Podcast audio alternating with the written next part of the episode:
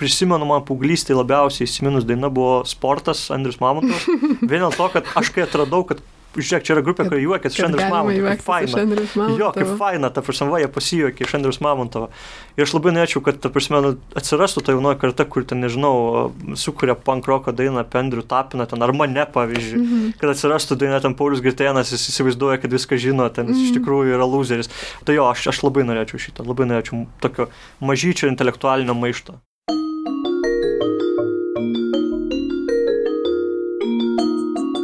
Ačiū, kad įsijungėte Nailo podcastą. Jį kūrė žurnalistų kolektyvas Nanuk. Podcastą išlaiko patys klausytojai per Patreon platformą. Šią savaitę prisijungia Laura Lukošiūtė ir Asta Slu. Prisijunkite ir jūs, adresas yra patreon.com, pasirasis brūkšnys, Nanuk multimedia. Taip pat galite skirti mums 2 procentus savo pajamų mokesčio. Mūsų viešoji įstaiga vadinasi Dokumedija. Ačiū visiems, kurie palaiko nepriklausomą žurnalistiką Lietuvoje. Aš esu Karolis Višniauskas. Gero klausimo.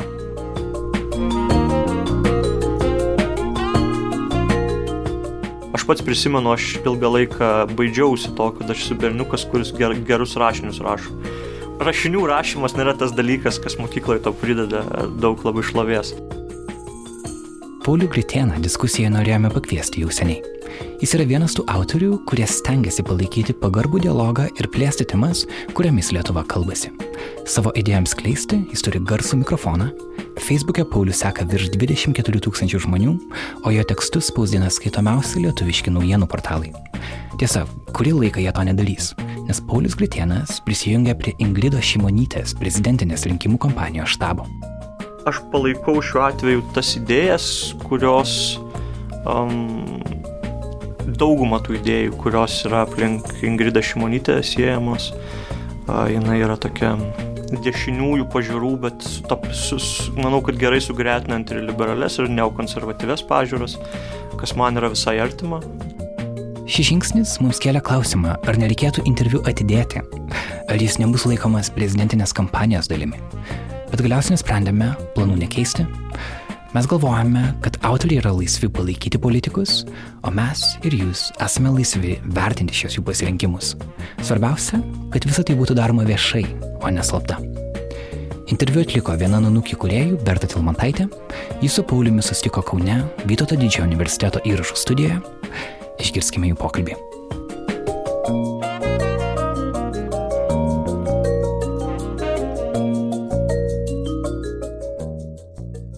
Labas, Pauliau. Labas, Bert. Ačiū, kad atvažiavai, atkeliavai į Kauną. Visada malonu atvykti į Kauną. Susi, susi, susitikti čia, ne, ne Vilniui, šiek tiek kitokioj erdvėje ir aplinkoje. Kai tarėme su tavim kalbėti jau prieš kurį laiką, tai mano ta pagrindinė mintis buvo pakalbinti tave Naila Media epizodui, pakalbėti su tavim kaip su filosofu apie žiniasklaidą ir procesus joje vykstančius. Ir tokia pagrindinė tema man išsigvildenus buvo dvilipumas arba daugelipumas dalykų, žmonių, procesų, reiškinių. Tai toks turėtų būti fokusas, bet pradėti vis tiek norėtus nuo, ta, nuo tavęs. Mes įpratę save apsibriežti arba vieni kitus apibriežti profesijom. Tai tu esi filosofas pirmiausia turbūt? Aš esu baigęs filosofijos studijas. Filosofo vardas yra labai sudėtingai priskiriamas. Čia nėra techninis darbas, ta prasme, nežinau, ką žmogus turi daryti, kad būtų labai profesionalių filosofų. Turbūt užtenka mąstyti e, abstrakčiai ir filosofinius klausimus kelt, kad būtum filosofas. Bet taip, aš esu baigęs filosofijos studijas. Ir po to dirbai žurnalistu. Taip, turėjau labai trumpą periodą viešuosiuose ryšiuose, bet apskritai tai visą laiką buvo žiniasklaida. Taip pat esi žmogaus teisų stebėjimo instituto tarybos narys. Taip. Kai pasitraukė išėjai iš 15 minučių, galvojau, kas dabar bus, rašysi knygą ar dizertaciją, bet e, rašiai toliau tekstus į Delfį, į Bernardinus. Abu dalykai beje yra ateityje, manau. Tai kalbant apie knygą ir disertaciją, tai jo, tai ta prasme buvo po to, a, ieškojau platformos, kurie galėčiau reikštis tiesą sakant, labai seniai norėjau rašyti Bernardinus, man labai patiko jų formatas pats, dvasia, nepaisant visų pakitimų ar, ar, ar, ar nu, tarkim, tai, kad aš esu netikintis žmogus, bet, bet man kažkaip simpatiška buvo pati idėja. Tai taip aš, aš suradau keletą platformų, kur galėčiau reikštis, nes man labai sunku nereikšti savo nuomonės. Ir tada pasirašy sutartį su kandidatai prezidentus, prezidentes, Ingrida Šimonytė. Tas pasirašy sutartis skamba labai nesmagiai, nu, ta prasme kažkaip nejaukiai. Iš tikrųjų, tai jo, aš tiesiog uh, sulaukiau kvietimo Ingridos ir kadangi aš ją pažinojau iš anksčiau kaip žurnalistas, kaip uh, renginių vedėjas, moderatorius, um, aš pasvaršiau apie šių rinkimų prasme, apie ją kaip politikę, apie save kaip žmogų, kuris norėtų pamatyti iš arčiau, kaip atrodo uh, politinis gyvenimas ir nusprendžiau, kad pabandysiu žengti šitą žingsnį. Bet išeidamas iš 15 minučių tarsi šiek tiek atsitraukiai nuo žurnalistikos, publicistikos. Kodėl buvo toks poreikis tą padaryti? Buvo nemažai priežasčių, turbūt didžiausia buvo nuovargis ir noras daryti kažką, kas yra ilgalaikiškiau, ta tokia kita prasme prasmingiau, nes šiaip tas uh, reportinimas vadinamas žiniasklaida, jis yra irgi prasminga veikla ir tam reikia daug profesionalumo. Uh, daugelis žmonių turbūt nežino, kaip tai vyksta, kai tu turi, tarkim, iš karto ateiti renginį ir iš karto rašyti tai, kas vyksta per 20-30 minučių, suformuoti straipsnį, kuris būtų informatyvus, tikslus ir uh, kažką pasakantis, tai šitas dalykas e, buvo mano gyvenime kažkur keturis sudėjus su viskuo, gal net šešis metus. Ir man tai, sąžininkai pasakysiu, pabodo, aš tiesiog tas filosofas manyje, žmogus, kuris nori daryti kažkokius prasmingesnius dalykus e, ilg, ilgąją prasme, il, ilgalaikę, ilgalaikiam kontekste, jisai pasakė, pabandyk kažką kitą. Ne, nebuvo taip, kad aš nukirtau saitus su žiniasklaida visam laikui, aš turbūt svarstyčiau galimybę, tarkim, turėti savo laidą, ką aš turėjau, savo pokalbių laidą. Um, svarstyčiau galimybę kalbėti apie politinius dalykus, bet uh, tiesiog tas trumpalaikiškumas ir tas akimirksnio žurnalistika mane išvargino, aš čia pasakysiu. Greitis, um, kartais tiesiog prasmės, toks trūkumas, kartais uh, nežinojimas, kiek skaitytojų tai naudinga ir manimas, kad galbūt darai netgi ne visai naudingą darbą, tai šitas visas abejonės. O tame prisijungime prie kandidatės į prezidentus Ingridos Šimonytės matai daugiau prasmės to, ko trūko? Čia nesakyčiau, kad yra užpildymas kažkokio to prasmės trūkumo, čia gal daugiau yra bandymas tiesiog įžengti tą erdvę, kurioje kuri aš įsivaizdavau, kad aš galiu darbuotis visi, kas skaitė mano tekstus, matė, kad aš ne tik galiu aprašyti politiką, kad aš turiu ir kažkokių idėjų, ar turiu kažkokių pastabų, nuolat kritikos. Ir man atrodo, kad sąžininga ir beje, sąžininga tai deklaruoti ir, ir išeiti ir pabandyti politiniam tam tikram lygmenį. Šiuo atveju aš užsiminėjau konsultacijom, ta prasme, tai iš esmės yra diskusijos tiek su pačia kandidatė, tiek su kitais štabo nariais, dažnai ginčiai, dažnai uh, kažkokių pozicijų formavimas ir panašus dalykai. Uh, tai man įdomu būtent kaip politikos apžvalgininkui ir tą vat, tokią kaukę nešusiam žmogui.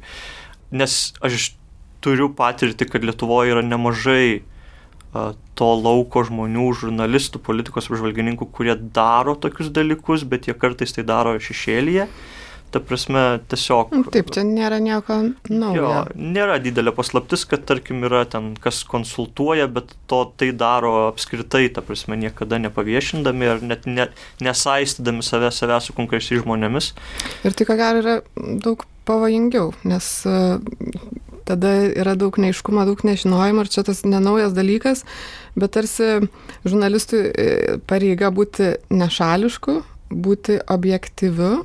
Jeigu tai iš vis yra įmanoma, nežinau kaip tau atrodo, tas nešališkumas ir objektivumas apskritai yra įmanomas ir ar jis iš vis yra reikalingas, nes galbūt atvirai deklaruodamas savo politinės pažiūras, savo pasirinkimus tam tikrus, um, būtum atviresnis ir sažiningesnis prieš visuomenę, kuri jau galėtų pati spręsti, e, kiek tu gebi e, pažiūrėti situaciją ne tik iš tos savo šališkos pozicijos, bet ir iš kito šono. Jo, aš sutinku, tu to argumentacijai praktiškai atsakėjai į mano klausimą. Aš manau, kad uh, žurnalistai turėtų, uh, bent jau tie žurnalistai, kurie rašo politiniam temom, jie vienai per kitaip turi pažiūras ir tos pažiūros atsiskleidžia, nepaisant to, kad objektivumas ir, ir nešališkumas yra siekėmybė.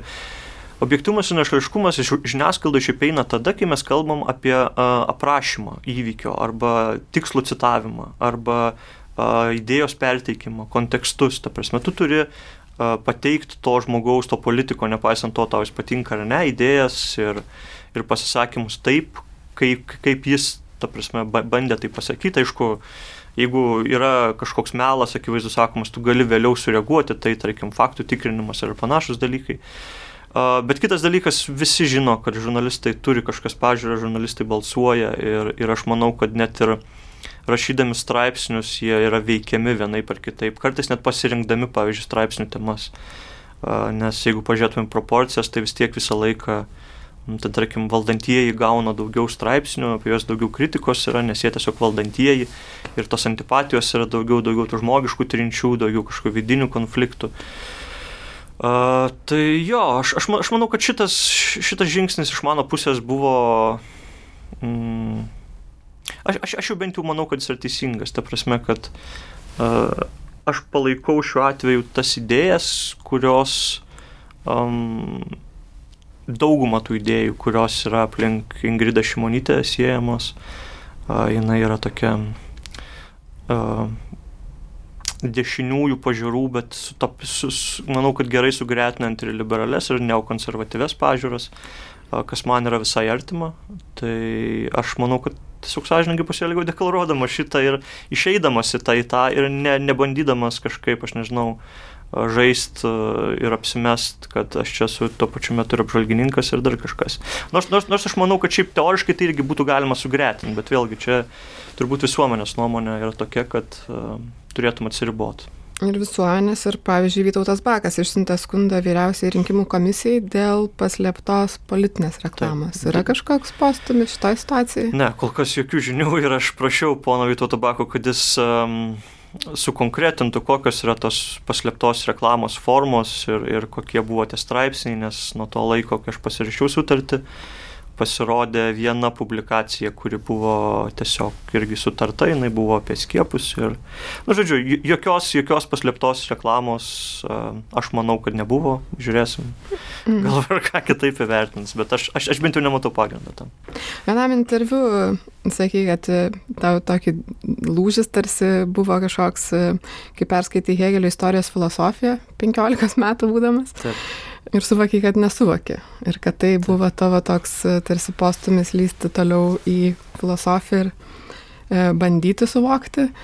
Ir dabar, va, sakai, neseniai, kad norėtum, kad tau svarbu yra e, e, reikštis ir, ir sakyti mintis, tai reiškia, kad jau suvoki daugiau dalykų.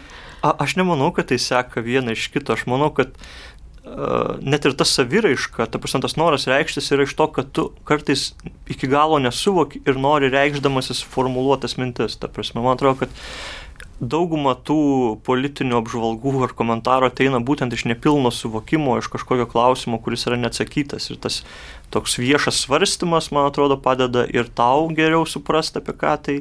Ir, ir, ir, ir skaitytojui kažkaip permastyti ir pamatyti tą kampą, kurį tu nori pateikti. Savotiška tokia terapijos forma, ta prasme, tu eini link aiškumo rašydamas, reikšdamas savo nuomonę.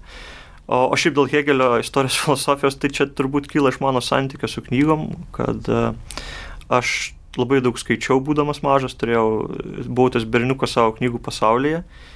Ir po kurio laiko tu tiesiog labai daug perskaitai ir tau daros nebeįdomus dalykai ir tu ieškai tada kažko, kas yra nauja, kas yra tok, va, tokio neiškaus, nepatirto. Tai man visiškai atsitiktinai rankose, taps aš nieko nežinau apie Hegelį. Aš turbūt turbūt kažką nutokio apie filosofiją, bet dabar žiūrėdamas iš perspektyvos, tai aš nieko neišmaniau apie filosofiją. E, ir pasėmiau tą knygą tiesiog kaip iššūkį. Ir pradėjau skaityti ir supratau, kad čia yra knyga, kurios aš vis, visiškai nesuprantu, kaip aš būdamas toks protingas, kabutėse, 15 metų vaikas, e, nesuprantu tokių dalykų. Tai tai paskatino mane gilintis ir paskui, ta prasme, jau čia klausimas po klausimo tu perini į filosofijos pasaulį. Čia labai svarbus tas e, suvokimas, kad nežinai kažko, ko, ko mes dažnai bijom, nes visi tarsi norim būti labai pratingi ir daug suvokiantis, bet realiai tik pripažindami, kad kažką nežinom, galim toliau judėti ir aukti. Jo, nu tai ta prasme, aš, aš viešai nedeklaravau, kad aš nesuprantu, aš, aš, aš ta prasme, turbūt ilgą laiką apsimetinėjau, koks aš čia esu gudrus ir, ir nešiojausi ten įvairias knygas, Wittgensteiną prisimenu, nešiodavausi 17 būdamas. Kad pamatytų kiti? A, nu, iš dalies, iš dalies, kad pats savo patvirtinčiau, kad štai gal, gal aš, ta prasme, nešiodamas į ją viešai geriau suprasiu, kas ten parašyta. A, bet dabar žiūrėdamas iš perspektyvos, tai manau, kad irgi buvo toks tam tikras pagrindas, ta prasme, tu pradedi skaityti, nesupranti, po to tu grįžti ir tada tau atsiveria labai daug klodų. Tu prasme, šito požiūriu filosofija iš tikrųjų yra šiek tiek kaip poezija, kad kiekvieną kartą tu gali skaitydamas kažkokį žvelgti naują niuansą, naują mintį filosofo ar naują kontekstą pamatyti, ar kas dabar, dabartyje, tose kasdienėse aktualiuose gali atsiverta mintis kitaip. Tai čia toks vienas iš filosofijos žavesių. Prieš šitą pokalbį šiek tiek, kiek spėjom pakalbėti, toks buvo truputį aptarėm tylos poreikį, apie ką šiaip neseniai ir Bernardinas rašė, apie tą tokį išsilgtą tylą ir, ir jos poreikį bet tuo pačiu tavo veikla jinai yra priešinga, tarsi, žinai, kalbėjimas ir užpildymas tylos ir tu labai aktyviai reiškėsi socialiniuose tinkluose, Facebook'e, kuri turbūt tau ir padėjo ir karjerą statytis, ar, arba vien, viena iš, prisidėjo, nu, tarsi vien, vienas prie kito ir ten turi virš 24 tūkstančių sekėjų.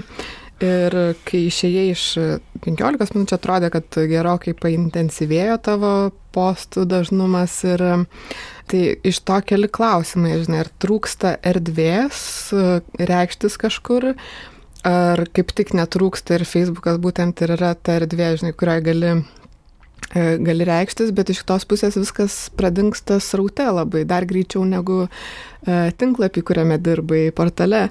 Mm, tai ko, ko, kokią to naudą matai ir prasme, kokia tasa to turėtų būti, kaip tai pasikeis, keisis, nesikeis, ar iš vis galbūt atsibos irgi kaip atsibodo žiniasklaida? Aš čia pataikai tokį labai giluminį klausimą. Šiaip Facebookas pats yra labai įdomus reiškinys, apie kurį galima ilgai kalbėti. Aš esu ir apie socialinius tinklus atskirai dar rašęs apie jų veikimą. Apie tai, kaip jie keičia patį socialumą, ta prasme, kodėl mes ten reiškiamės, kaip mes ten reiškiamės, kiek tai yra iš tikrųjų atitinkantis tikrovę, raiškos būdas. Um, jo, aš šiek tiek, gal tikriausiai suintensyvėjo ta raiška, vien todėl, kad aš turiu daugiau laiko turbūt irgi ir turiu įvairių um, išvalgų, tam pastebėjimų, kartais juokelių. Um, man atrodo, kad dabar taip staigiai aš takim daug mintį, man atrodo, kad Facebookas funkcionuoja kaip galimybė bendrauti su labai plačių žmonių ratu, arba tiksliau iliuzija, kad tu bendrauji su labai plačių žmonių ratu. Tai labai dažnai žmogus tiesiog rašo kažką, norėdamas pasakyti draugų kompanijai, kurios nėra šalia. Um, Tai mano manimu, kad vat, raiška daugum atveju ir yra tokia. Tai yra tas toks vat, laiškelis ne, neegzistuojančiam draugui arba draugų kompanijai, kurios tuo metu, tuo metu nėra šalia. Bet kaip atsakingai tai žiūri, labai sveri ir galvoji, va, ką pasakysi ir ką tai reikš, ar lengvabūdiškai tai žiūri, kaip į va, tokį postą įrašą, kuris tuoj praeis ir dings raute. Yra visokiausių tų įrašų ir šiaip aš kažkaip Facebooko nenaudoju kaip rimtos aiškos priemonės. Ta prasme, aš lab, tik gal tik keletą kartų esu parašęs tokius labai rimtus dalykus, kurie man iš tikrųjų artimi yra. Dažniausiai tai yra kažkokie pastebėjimai, tokie kasdieniai, tokie akimirksnio dalykai. Uh, kad, kad aš labai ruoščiausi ar ten svarstyčiau, tikrai ne. Ta prasme, gal, gal ta atsakomybė daugiau ateina su tuo, kad tu pradedi matyti, kad daug žmonių tave skaito ir kad tas pasiekimumas yra didelis. Ten užsiminė, kad 24 tūkstančiai kas man atrodo per daug, aš esu kažkada sakęs, kad nenormalu yra, kad tiek žmonių jau Lietuvos mastais uh, um, seka tokį, žmogų kaip mane. Tai bet... Turi žmonės ir šimtus tūkstančių. Jo, tai turi, turi, bet ta prasme mažiau, čia yra, jo, čia yra prikla... Tokius dalykus kalba.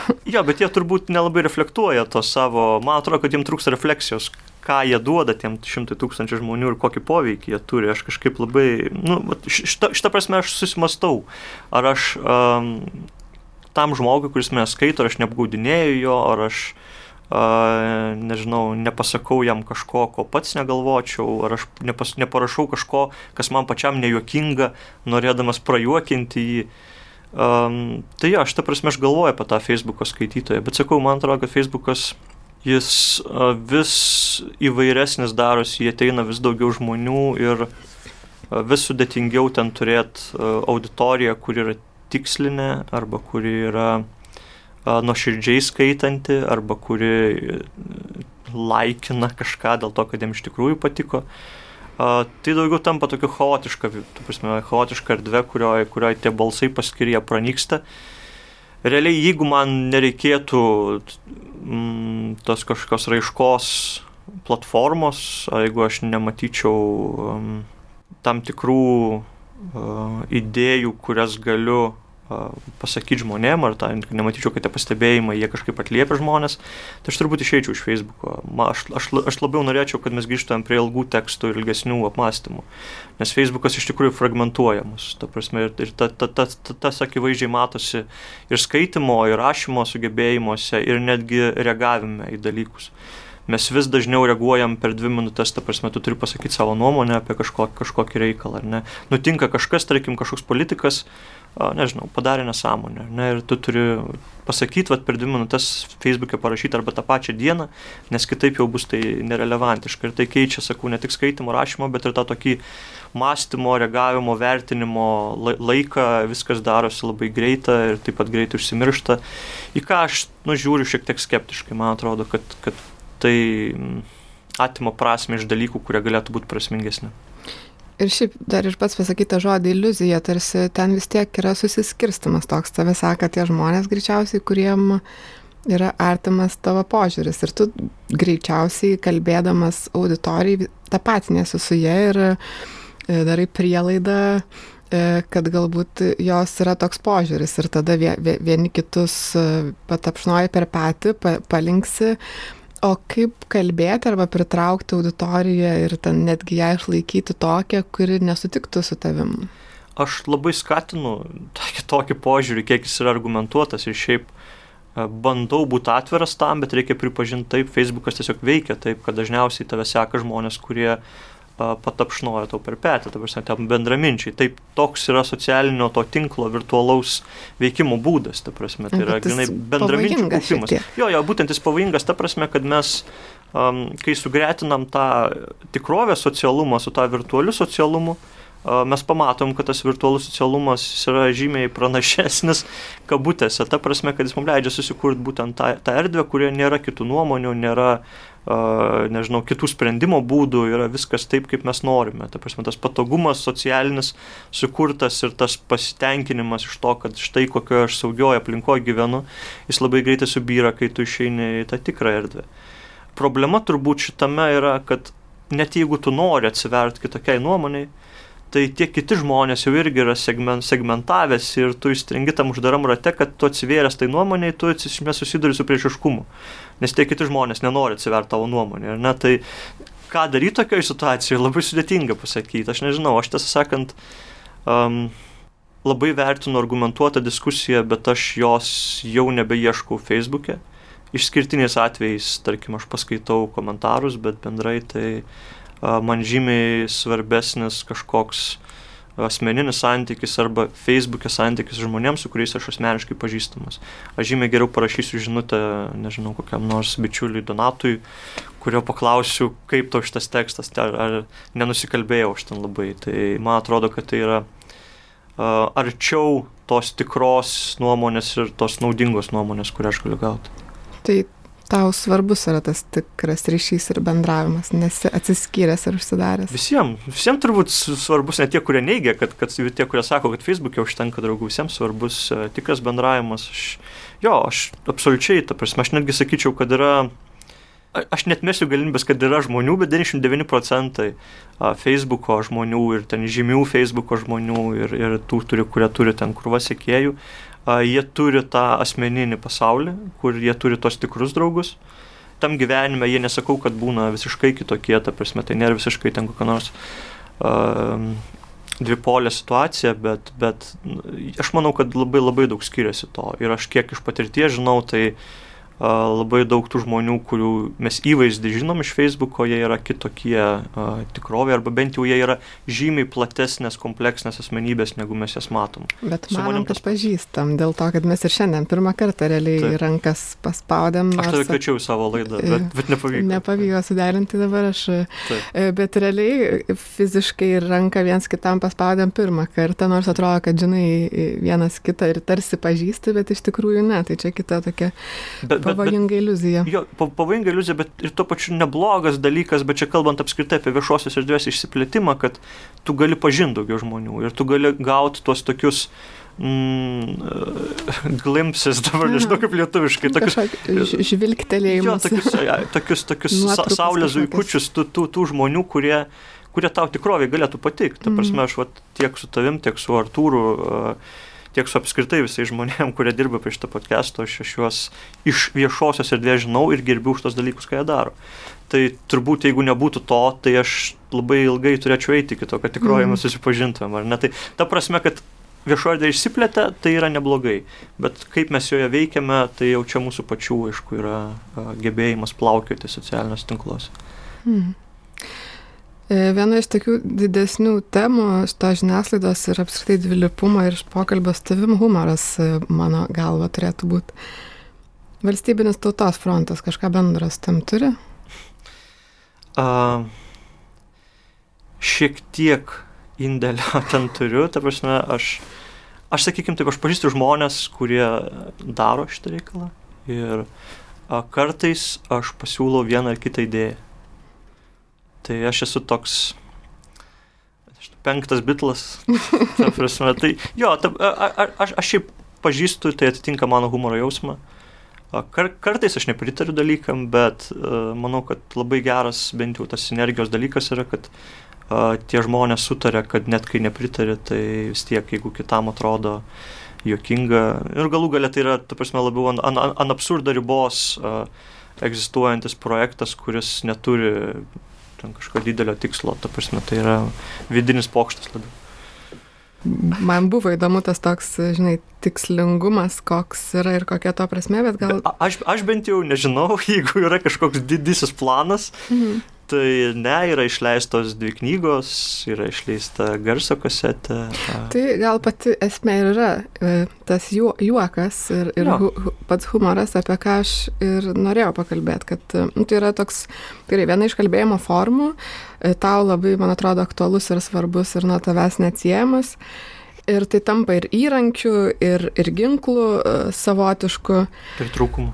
Ir trūkumų gali tapti, jo, dėl to aš norėjau apie tai pakalbėti, tai visų pirmiausia paklausiu, kodėl tu manai, kad trūkumas, o tada pratęsiu klausimą, e, pasakydama, kodėl aš manau, gal okay, sutaps. Aš atspėjau, reiškia, vieną mm -hmm. savybę. Uh, trūkumas ta prasme, kad uh, žmonės humorą dažnai vertina kaip kvailumo bruožą arba kaip tokia, arba kaip gynybinį bruožą. Uh, humoras nėra vertinamas dažnai, ta prasme, sugebėti žmogų prajuokinti yra lyg ir privalumas, bet vėliau gyventi su to juoko, juokdario kaukė ar ne yra labai sudėtinga. Tai šito požiūriu aš kartai susiduriu, kad žmonės laukia iš manęs juokų ir negavę tada nusivilia, arba sako, kodėl tu taip rimtai kalbi, ta prasme, va tu ten rašai juokelius, o čia tu negali staiga pasakyti juokelio. Um, tai jo, aš, aš, aš turiu tą problemą, be, esu kalbėjęs net su draugais, su keliais draugais komikais, uh, Um, su Luku Ramonu, pavyzdžiui, esame apie tai kalbėję ir aš sakiau net, kad man, man, aš bijau net to, aš net norėjau kurį laiką užsidrausti savo juokauti tam, kad žmonės turėtų daugiau skaityti mano kažkokius rimtus tekstus ir mane rimčiau žiūrėti. Bet va, kodėl taip yra, čia aš jau dabar truputį atitolsiu, paskui grįšiu prie to, ką norėjau ir to kito, kitos problematikos moro.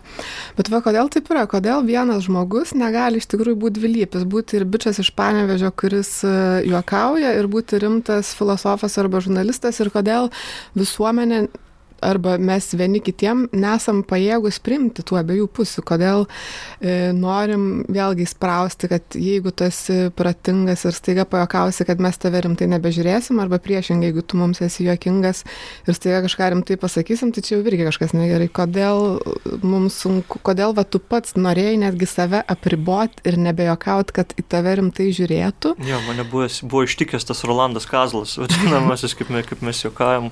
Uh, jo, aš nežinau, tiesą sakant, aš nežinau šito atsakymo. Man atrodo, kad tiesiog sudėtinga apskritai žmonės vertinti daugia planiškai. Man pačiam sudėtinga. Ta prasme, aš irgi kai kuriuos žmonės e, neslėpsiu, žiūriu vienaplaniškai. Ta prasme, man, jeigu to, aš to žmogaus nepažįstu, tai aš manydamas, kad jis ten humoristas ar manydamas, kad jis kažkoks koks nors dainininkas, tarkim, tai aš įsivaizduosiu jį tik toj perspektyvoje, aš nematysiu jo kitų gebėjimų ar kitų ten kažkur aiškos formų. Uh, Bet, bet, bet, bet aš dėl to, tiesą sakant, labai neišgyvenu, aš tai žinau, koks aš esu, ta prasme, draugai mane pažįsta. Man gal tik tai blogiausia tai yra, kad, ta prasme, aš susiduriu su auditorijos vertinimu ir kartais tas auditorijos vertinimas man vienoje ar kitoje pusėje, jis man, nu, trukdo išskleisti savo mintį. Tai aš kartais to bijau, kad norėdamas būti filosofu ir, tarkim, kalbėdamas apie rimtus ir net jautrius dalykus, ką aš bandau daryti, tarkim, ir čia Bernardinuose buvo vienas straipsnis pasirodęs, kitas irgi apie tokius dalykus, kurie man rūpi, kuriuos aš šiaip žiniasklaidoje nerašiau, nes aš maniau, kad irgi tai yra nu, tam, tam tikras lengstis, kurio aš nenoriu peržengti, perėti tą tokią labai jau intimę, intimius apsvarstymus, ten, tai, kas man iš tikrųjų neduoda ramybės. Uh, Tai aš kažkaip tiesiog tikėjau, kad, kad nu, galbūt tai trukdys, bet dabar aš kažkaip susigyvenęs su tuo esu, man atrodo, kad tie žmonės, kurie mane pažįsta, tie, kurie nori mane pažinoti, tai svarbiausia turbūt, nes jeigu nenori, tai, tai visą laiką yra šimta įvaizdžių, galite pasirinkti vieną. Uh, tai tie žmonės, kurie nori pažinoti, jie vis tiek atras tuos dalykus, kuriuos aš noriu pasakyti, nepaisant to, kaip aš, kokią formą aš tai sakau. Nes vėlgi, man atrodo, kad labai pavojingas yra toks savi apiribojimas ir vieni kitų ribojimas. Čia net psichiniai sveikatai gali labai rimtai atsiliepti, kai tu negali būti pilnas. Jo, asmenybės kilimas. Išbaigtas žmogus jo, jo. ir viduje turi didžiulį konfliktą. Uh, nes turi atrodyti vienaip, o jautiesi kitaip ir galbūt nori ten daryti vieną, bet tarsi turi išlaikyti kažkokį įvaizdį. Aš, aš šita problema, man atrodo, kad apie ją daug reiktų kalbėti jaunimui. Aš pats gal net turėčiau pasvarstyti, kad reikėtų su... Sekantis tekstas, su, kitas tekstas. Apskritai su jaunai žmonėm, kadangi aš labai mėgstu, kai jie mane pakviečia, atsakyti jų kvietimą ir pabendrauti, nuvažiuoti. Tai uh, reikėtų apie tai pakalbėti, nes, pavyzdžiui, aš iš tikrųjų paauglystėje daugelis mūsų bijo būtent to kažkokio vieno aspekto savo. Aš pats prisimenu, aš ilgą laiką baidžiausi to, kad aš esu berniukas, kuris ger, gerus rašinius rašo. Man atrodė, kad, nu, vis tiek aš turiu eiti kažkokiu kitu tuo keliu, to tokiu, nu, rašinių rašymas nėra tas dalykas, kas mokykloje to prideda daug labai šlovės bet po kurio laiko tu susigyveni. Ir aš dabar kažkaip irgi iš pradžių, kai pradėjau eiti tą intelektualinę erdvę, tarkim, ten susitinki su profesorium kokiu nors Aleksandраvičium ar Mažiekiu ir tu bijai kartais, ta prasme, pajokauti apie tai, kas tau jokinga, ar sureaguoti kažką taip, taip kaip pats norėtum, bet po kurio laiko pradedi vis labiau pasitikėti savim ir pradedi galvoti, okei, okay, jeigu tie žmonės manęs nenuvertina iki šiol, uh, tai po to, ką aš nekėjau tariamai intelektualiai ar intelektualiai, tai galbūt jie prims ir mano visas kitas pusės. Tai aš manau, kad čia tas dalykas, kur atsiverimas tiem kitiem žmonėm yra būtent su, su ateinantis su branda, su didesnėm patirtim ir apie tai reikia perspėti jaunus žmonės, kuriem tai irgi ateis ir kad jie nenusiviltų ir nemanytų, kad reikia susiformuoti tą vieną įvaizdį ir aš čia būsiu uh, vat, vieno dalyko influenceris ir visas gyvenimas bus puikus man taip tikrai nėra, ta prasme, mes esame įvairialypiai ir, ir, ir čia tu vardinai geras savybės, bet būnam ir blogi, būnam ir ten kokie nors, nežinau, arogantiški ar, ar įžeidus um, ar, ar, ar per daug principingi kartais. Tai... Bet tai irgi labai svarbu primti ir kalbėti. Tai aš apie tai ką tik, ką tik pasakiau visiems, koks aš esu. Tai, tai ja. Čia taip pat atsargiai pasakyti. Ja, Galim ja, būti. Subtiliai, subtiliai, ja. Bet... Um, Grįžtant prie to humoro ir to tarsi tokios šiek tiek probleminio dalyko, ką aš norėjau pasakyti, nes tu jau savo tą išsakėjai e, mintį apie galimus tas negatyves pusės, aš galvoju apie tai, kad e, mes dažnai tą humorą naudojam labai tokiose sudėtingose situacijose, kai visai blogai, tada jie kiesi ir jis aišku ištraukia ir padeda. Um, bet tarkim, sudėtingoje situacijoje, tarkim, kaip e, Lietuvoje, pavyzdžiui, kas vyksta politiniam laukia ar ne, juokaujant, mes tarsi palengvinam kažkokią įtampą, galbūt geriau pasijaučiam, bet realiai tai nieko neišsprendžia mums tarsi palengvėja, bet kaip gauti sprendimus ir kaip, kaip spręsti tas situacijas, iš kurių mes juokiamės. E, Užsienį vis populiarėja tas e, terminas solution journalism, sprendimų žurnalistika, kur kalbant apie kažkokius dalykus, procesus, e, pabaigoje pasiūlomi galimi sprendimai. Tai ar ar turėtume mes apie tai galvot, ar humoro jau nebe ta, kad jau viskas pajogauja ir, ir, ir, ir viskas, ar visgi reikėtų pagalvoti ir dar tą vieną žingsnį priekį, o kokie galėtų būti tos situacijos, iš kurios mes juokiamės, pro ašaras galbūt sprendimai? Aš tiesąkant neapkaltinčiau humoro šitame, ta prasme, mm. aš nesakyčiau, kad čia mūsų pasijokimas yra kaltas. Turbūt gal to pasijokimo kiekis ir tai, kad mes tą humorą, kuris yra terapijos ir skausmo tokio vidinio nerimo nuėmimo forma, kad mes paverčiam jį absoliučiu atsakymu. Tai turbūt yra problema, kad mes nemokam, jau nemokam nejokauti tam tikroj, tam tikroj situacijai.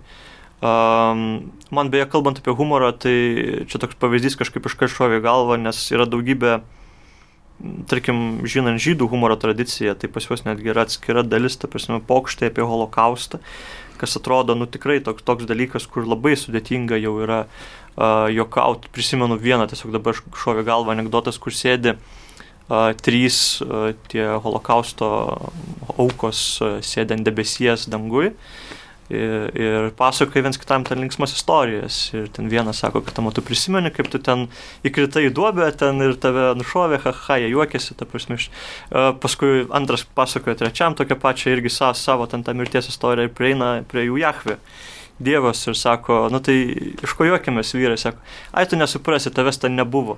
tai čia tas subtilus toks subtilus tos idėjos išskleidimas, kad holokaustas buvo toks siaubingas įvykis žmonijos istorijoje, kad Dievas tiesiog buvo užmerkęs akis. Tai, tai man va toks humoras, ta prasme, kaip terapijos forma, kaip, kaip kažkoks um, atsakas į tai, kas iš tikrųjų skausmingiausia, kur tu negali kažko pakeisti, kur tu turi susigyventi su kažkokia idėja, tai jis atrodo labai veiksmingas.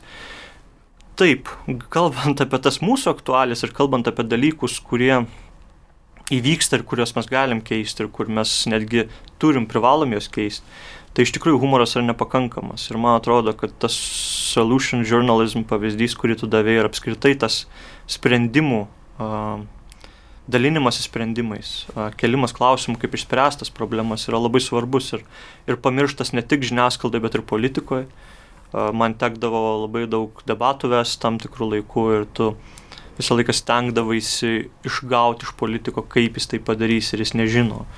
Ir, ir tu net negali jo kaltinti, ta prasme, taip jis nežino, aš niekada kažkaip nepuldavau iš juoktis iš jo, bet tiesiog mane gal labiausiai sukrėsdavo tai, kad mes sėdim, tarkim, kokiam nors, nu nežinau, paimkim rajoną X ar ne, standartinį, nenoriu vardinti konkrečiai, nes paskui žmonės įsižeis nors. Tai įsižeis šiaip ar taip tai jo, jo, įsižiūrėjai šiaip ir taip. Bet sėdam rajone X ten e, kokio nors kultūros namuos ir, ir yra debatai ir tu paklausi, nu, va, yra tokia problema, jūsų, jūsų rajone yra antra Lietuvoje didžiausia bedarbystė, yra savižudybų didelis ligmuo.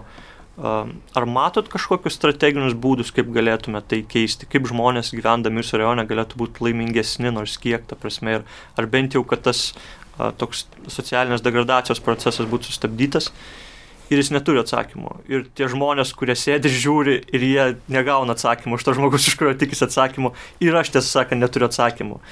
Ir tas, va, ta, ta, ta visa erdvė, kurioje nėra to atsakymo, jinai tampa tokia labai tragiška, nes tu norėtum to atsakymo, norėtum tam žmonėms suteikti viltį, jie atėjo išgirsti kažko, bet jie negauna jo. Ir aš nežinau, ar, ar ta prasme, tas atsakymas apskritai egzistuoja tam lygmenyje, ar jis nėra labai kompleksinis ir susijęs su mūsų visų, kaip visuomenės kaita, su valdžios įvairių mechanizmų kaita. Tai žodžiu, jo, tas sprendimų turėjimas ir dalinimas sprendimais ypač yra labai svarbus. Ir man atrodo, kad po juoko iš tikrųjų galėtų sekti sprendimas, ta prasme, bet vėlgi, aš sakau, aš nekaltinčiau juoko. Aš nemanau, aš nemanau kad juokas nuima pareigą tavo spręsti. Ta prasme, aš nemanau, kad aš nusijuokęs uh, iš kokio nors reiškinio neturėčiau uh, imtis priemonių, kad aš daryčiau kažką. Nes tarkim, aš esu daug juokavęs iš tokių homofobijos ir panašių temų, ta prasme, pajuokdamas homofobinės pozicijas, rasistinės, ksenofobinės, bet, na, nu, aš dabar žmogaus teisų stebėjimo instituto tarybos nariu tapau ir šiaip daug rašiau apie tai, stengiuosi kaip dėmesį, dalyvauju įvairiose procesuose, niekada neatsisakau diskusijas ves tom temom, pats pasisakyti galų gale šiaip prisidėti prie elementarių dalykų, tokių kaip, nežinau, tai realiai gal tai, tai ir suteikia tau teisę juokauti, nes suvokė, kas tai yra. Aš manau, kad teisė juokauti yra savaime, net kiekvieno, čia yra žmogaus teisė juokauti. Taip, bet tikrai. gerai juokauti gali tik tada, kai realiai vat suvokė ir buvai ten. Jo, ten. aš galiu aš galiu jaustis, jo, pateisinti savo juoką. Ta prasme, ma, mano juokas nebuvo tuščias, aš mm. po mhm. to nuėjau ir, ir kažką pasistengiau padaryti. Tai mm -hmm. šitą tai prasme svarbu. taip, aš, aš, jo, aš, aš stengiuosi juokauti ir po to kažką padaryti, kad pasikeistų. Tai turbūt mano ėjimas šioks toks į tą politinio gyvenimo mm. lygmenį yra iš to, kad labai daug juokauji, labai daug kritikuoji, bet ką tu pats vat, galėtum padaryti. Tai, mm. tai sąmoningu, sąmoningu e, svarbu išlikti. Ja. E, mūsų žiniasklaidoje humoras irgi yra didžiulė dalis jau visur, turbūt visam pasaulyje, bet Lietuvoje, tarkim, Algis Ramanauskas, Andrius Tapinas, kuris e, bandė, bando atvestą late night show tradicijas, satyrą e, politinę. Olegas Šurajevas, Lukas Ramonas, apie kurį, apie kurį jau kalbėjai. Um, neseniai klausiau interviu su Ricky Gervais uh, komiku. E, ir jisai pasakojo, kaip jisai dirba su savo juokais. Šiaip labai juokinga, noriu sakyti žodį bairis, bet žiūrėjau, e, kokie yra sinonimai to, tai yra tik juokas, pokštas, e, triukas ir jie visi jau savaime. Kišenas geras posas. Patys jau savaime žodžiai juokingai skamba. E, tai žodžiu, jisai e, pasakoja, kaip jisai dirba su kiekvienu tuo savo juoku, kad jį paverstų bulletproof, tokiu nepažydžiamu, kad jis galėtų už tą juoką atsakyti net ir po dešimties metų, jeigu tas juokas būtų iš kažkur iškastas ir kad būtent e, juok kaujant, svarbiausia yra tema, va ką tu ir kalbėjai, ne, apie holokaustą, tarkim, Taip. kad jisai, reikia Džervais irgi juokauja apie tai ir sako, kad nėra tokios temos, kurią negali juokauti, svarbu, kaip tu tai darai ir kad svarbu nesupainio to tikslo savo, to taikinio su, te, su tema, ką dažnai daro žmonės, kurie įsižeidžia. Apie, um, ir stebint, tarkim, užsienio, tą tiek late night show, tiek stand-upus visokius, atrodo, kad iš tikrųjų komikai ar žurnalistai, ant ribos žurnalistai, komikai labai daug laiko su didžiuliam komandom įdeda į tą savo darbą, į savo tuos e, juokus, už juos tikrai atsako. O Lietuvoje kažkaip man dažnai toks būna kažkoks nepatogumo, nemalonumo jausmas, nejuokingumo. Atrodo viskas labai lengva būdiškai, greitai, tiesmukai, dažnai tas satyra kažkokia e, iš tikrųjų labai balansuojant patyčių ribos ir net peržengia tą ribą. Kaip tu matai tą e, humoro lauką Lietuvo žiniasklaidoje? Ne, čia lyginti su Amerika turbūt yra sudėtinga, tai kad užsiminiai, kad ten yra milžiniškos komandos, kurios dirba. Ten yra žmonės, kurie iš esmės nu, jaunystėje atrado talentą rašyti juokingus tekstus ir jie yra įjungti į tą sistemą ir padeda vienam žmogui, kuris geba talentingai juos pasakoti arba talentingai reikšti savo mintis. Tai lygint ten Andrew Tapiną su, ten, nežinau, Stevenu Colbertu labai sunku yra vien dėl to, kad nu, tai yra e, skirtingi lygmenys jau vien ta darbinė prasme ir resursai skirtingi ir, ir, ir, ir asmenybės skirtingos galų galia ir rinka skirtinga. Um, šiaip įdomi tendencija beje, kad Amerikoje aš e, žinau, kad dalis dabar nepasakysiu koks procentas, bet yra nepaskaičiuota, kad labai nemažas procentas žmonių nežiūri uh, tų naujienų, mm. naujienų laidų, jie žiūri tą komedinę žiniasklaidą. Jo, daugybė late night shows visų, kur, kuriuose susirinka ten ir Kolberas, ir, ir Kordenas, ir ten daugybė, daugybė šitų visų.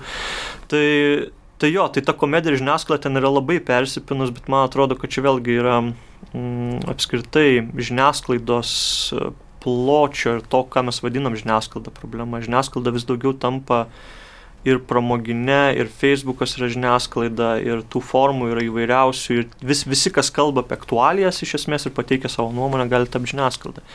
Kodėl Lietuvoje tokia situacija, nu, viena vertus tai resursai, kita vertus, um, aš, aš bent jau asmeniškai galiu pasakyti, ko aš pasigendu, tai man atrodo, kad Lietuvoje trūksta subtilumo, kalbant ir juokaujant apie politinius ypač dalykus ar socialinius reiškinius.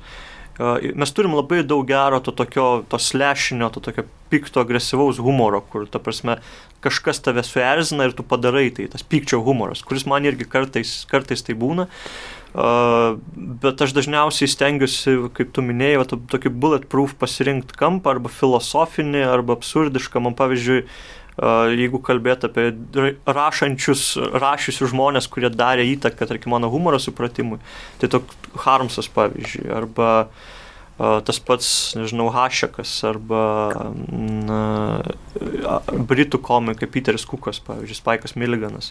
Tai tokia komedija, kuri iš esmės gali įmesti bet kurį politinį kontekstą, jinai yra juokinga, nes jinai kalba apie bendražmogiškus dalykus, įdas, filosofinius kažkokius klausimus, absurdas situacijos. Uh, Šito aš pasigendu Lietuvoje, aš turbūt kaip žmogus, kuris sako, kad aš pats norėčiau tai daryti ir bandau tai daryti, turėčiau prisimti dalį atsakomybės, bet aš nežinau, ar tam yra rinka. Čia vėlgi visuomenės požiūris, iš ko mes juokiamės, ta prasme, ir kaip mes juokiamės. Um, yra, tarkim, dviračio žinios, ne, kurios, man atrodo, kad yra kitos kartos dalykas. Aš labai gerai pažįstamas su, su Haraldu Matskevičium, bet aš tiesiog manau, kad yra kita karta, ta prasme, tai ne mūsų dalykas. Tai yra juokinga tiem žmonėm, kurie yra maždaug nuo 35 iki 60 ir panašiai. Mūsų karta turėtų atrasti tą formatą tokio subtilesnio jokavimo. Man atrodo, kad iš minėtų žmonių visi turi potencialą tai daryti bet visi šiek tiek pasiduoda tam tokiam rinkos mechanizmui, maždaug kas bus juokinga rinkai, kas, kas bus juokinga žmonėm. Kartais reiktų tiesiog daryti, kas juokinga savo ir tai gaunasi geriau. Vėlgi, man lengva patarinėti. Aš... Olegas gal tą labiausiai daro, jam jo, jo, jo, ta prasme, tiek kolegas, tiek Lukas, aš manau, da, mm. tai da, daro tikrai, ta, tiek aš nuolgis daro tai, kas jam juokinga, bet aš kalbu apie tai, kad nu, vis tiek tame yra tam tikras atsižvelgimo į tai, kaip bus sureaguota momentas. Ta prasme, tu vis tiek kažkiek pakvailini, ar ne, tą dalyką, arba jį prigretini prie, prie tariamai auditorijos kvailės, nes aš sakau, pasilgstu to tokio tiksliau pasilgti nėra ko, niekada nelabai buvo to tokio mm. intelektualesnio humoro, to tokio nutaikyto į, į subtilybės įvairias e, tiek politinio dalyvavimo, tiek žurnalistinio.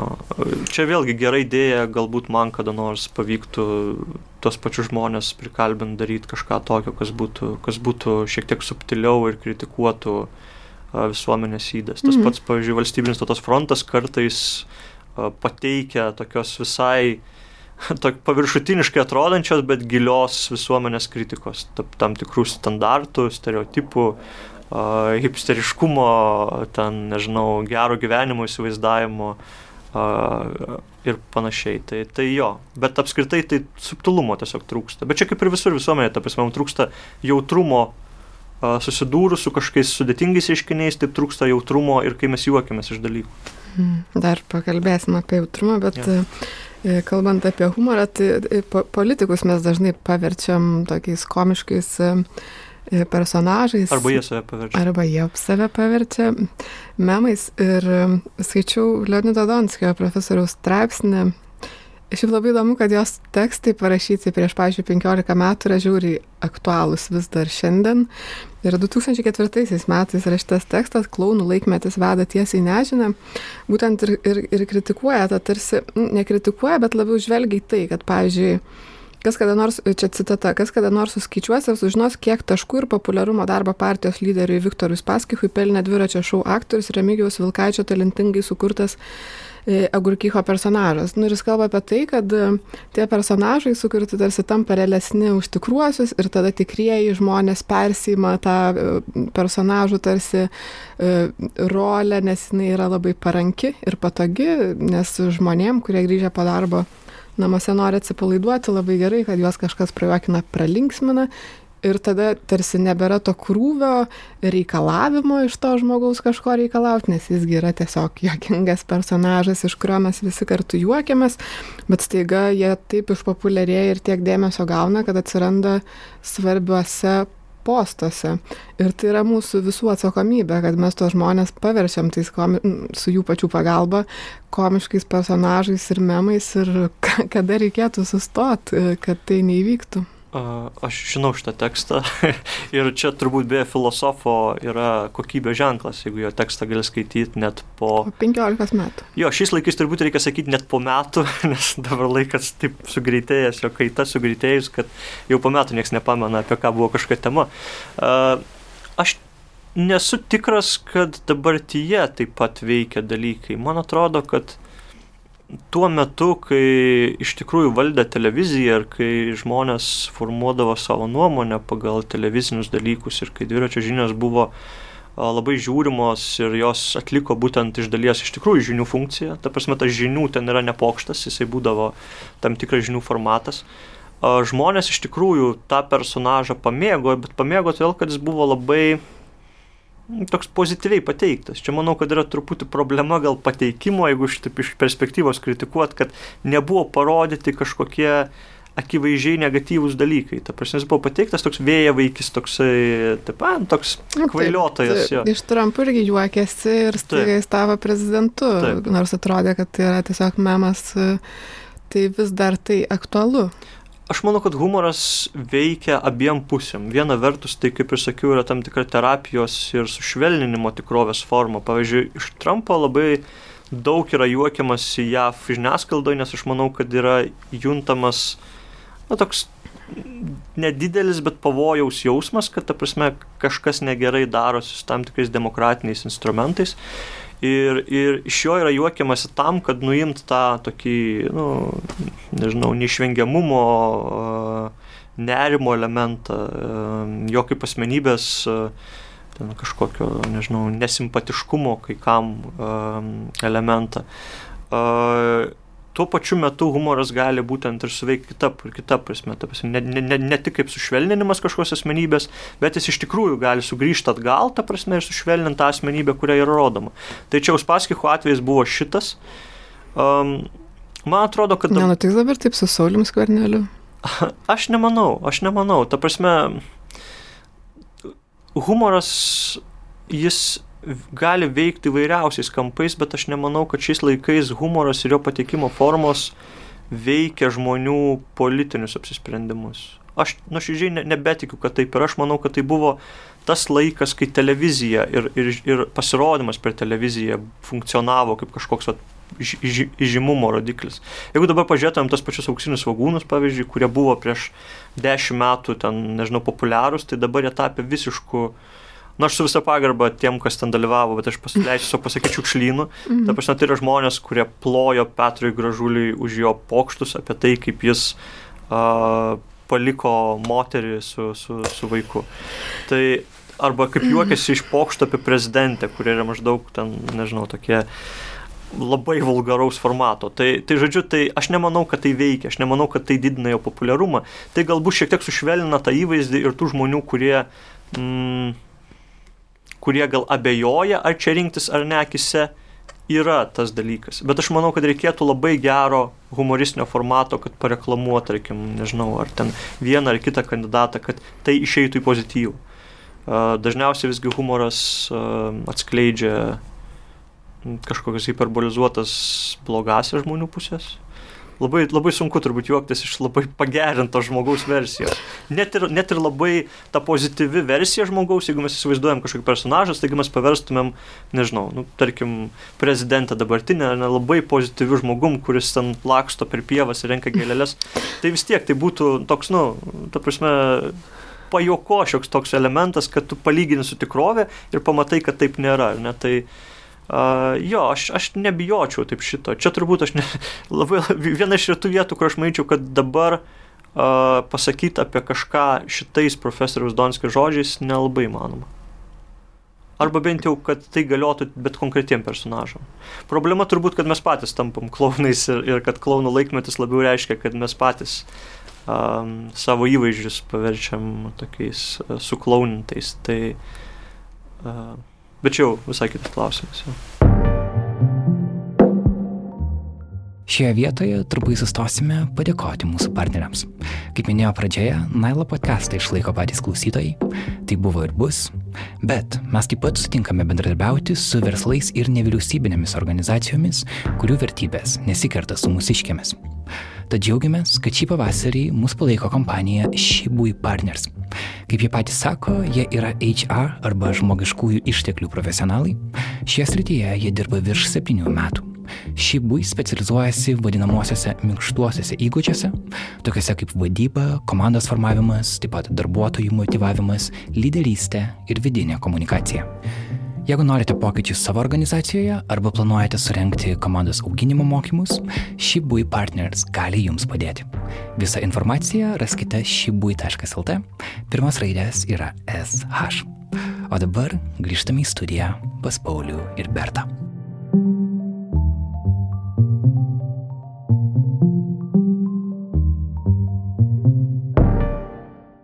Nuo tų klaunų tada norėčiau pereiti prie moralinių autoritetų į visą, visai kitą pusę.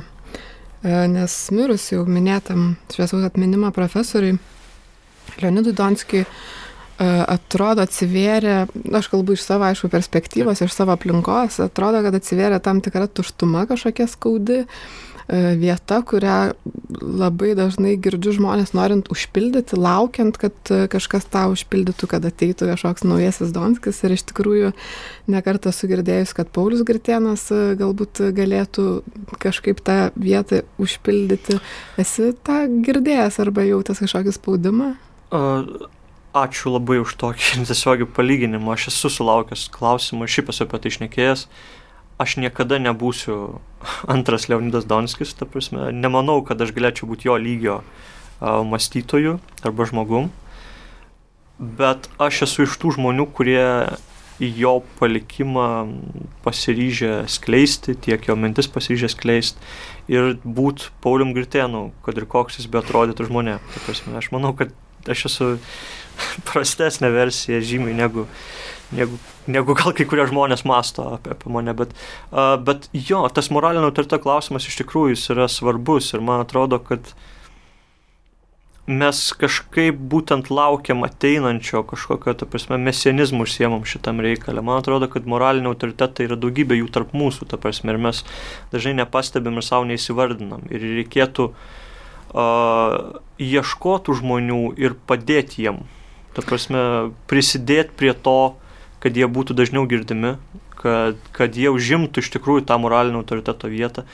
Profesoriui Donskiui, aš sakyčiau, netgi savotiškai pasisekė ta prasme, kad jis galėjo vat, funkcionuoti tais laikais, kai, tarkim, televizijos laida buvo uh, įvykis, nes dabar televizijos laidos yra šimtai, ta prasme, yra Netflixas, yra daugybė formatų, kai visi turi, aš turėjau savo laidą ir, ir ta prasme, ta laida, kad ir kaip stengiasi paversti ją įvykiu, bet auditorijos akise jau netampa tokiu. Uh, jis galėjo reikšti savo mintis tuo metu, kai mes dar daugiau kreipiam dėmesio į tokius filosofinius apsvarstymus apie kasdienius įvykius.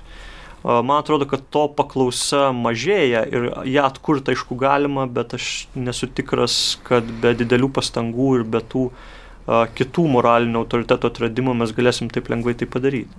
Tai jo, tas moralinio autoriteto klausimas egzistuoja. Aš, aš esu sulaukęs beje to klausimo su, su moksleiviais kalbėdamas kažkada, kas dabar turėtų užpildyti. Nežinau, mes visi. Man atrodo, kad, nu, ta prasme, tie žmonės, kuriam buvo svarbus Donskis, ar tiem žmonės, kuriam svarbus kiti, tarkim, žmonės, kuriuose laiko moralinis autoritetais, jie turėtų uh, sekti ir nebandyti įstoti tuos pačius batus, bet neždami tą palikimą suburti tokių, nežinau, grupės žmonių, kurie laiko vienas kitą moraliniais autoritetais. Tarkim, aš turiu draugų, kuriuos laikau savo moraliniais autoritetais ir nebijau to net jiem garsiai pasakyti. Tai, um, jo, aš, aš, aš, aš manau, kad įmanomas ir tas variantas, kad mes neturim vieno tokio, tokio masto intelektualo, bet turim uh, grupė žmonių ar, ar, ar, ar grupė žmonių, kurie susivienyje tam tikrais klausimais, kaip tarkim, jūs nanuk irgi susivienė tam tikrais klausimais. Šiaip labai graži idėja ir mintis to bendrumo ir bendruomeniškumo ir padėjimo vieni kitiem ir arba tiem žmonėm, kuriuos mes laikom moraliniais autoritetais ir žurnalistų tarsi tokia pareiga, žinai, kam duosi eterį. Taip, visiškai. O kokie yra tavo moraliniai autoritetai ir žmonės, kur, kurie tavo nuomonė galbūt yra tokie raktiniai mūsų visuomeniai? Man labai sunku dabar išskirti, nes jų, jų iš tikrųjų, aš sąžininkai sakau, jų yra daug. Uh, bent jau kaip aš įsivaizduoju daug, nes mes įsivaizduojam dažnai, kad moraliniai autoritetai tai yra žmonės, kurie sėdė ant kažkokio dramblio kaulo bokšte kažkokiam ir, ta prasme, ten teikia patarimus visiems. Uh, aišku, profesorius Donskis buvo man toks netiesioginis mokytojas, ką aš ir minėjau ir, ir galiu paminėti dar kartą. Uh, yra daugybė žmonių iš santoros judėjimo, kurie, kurie nepaisant to, kad aš nesu viskuo galiu sutikti, ką jie kalba, bet man yra moralinio autoritetai arba intelektinio autoritetai. Uh, man labai šiaip svarbi yra intelektinio, aš, aš nežinau, ar yra kas nors dar tą paminėjęs, bet kiek kalbėjau tiek su profesorium Donskiu, tai man labai svarbi tokia intelektinio jautrumo uh, samprata. Tai yra žmogus, kuris yra stengiasi dalykų žiūrėti intelektualiai ir per kažkokį filosofinio klausimo prizmę, bet daro tai tuo pačiu su jautrumu, ar tai būtų socialinis, ar tai būtų asmeninis jautrumas, ta prasme, tas empatijos veiksnys jo racionalizuotam požiūrį į pasaulį. Tai visi žmonės, kurie turi tokią savybę, man yra iš karto autoritetai ir draugai ir, ir, ir jų yra labai daug.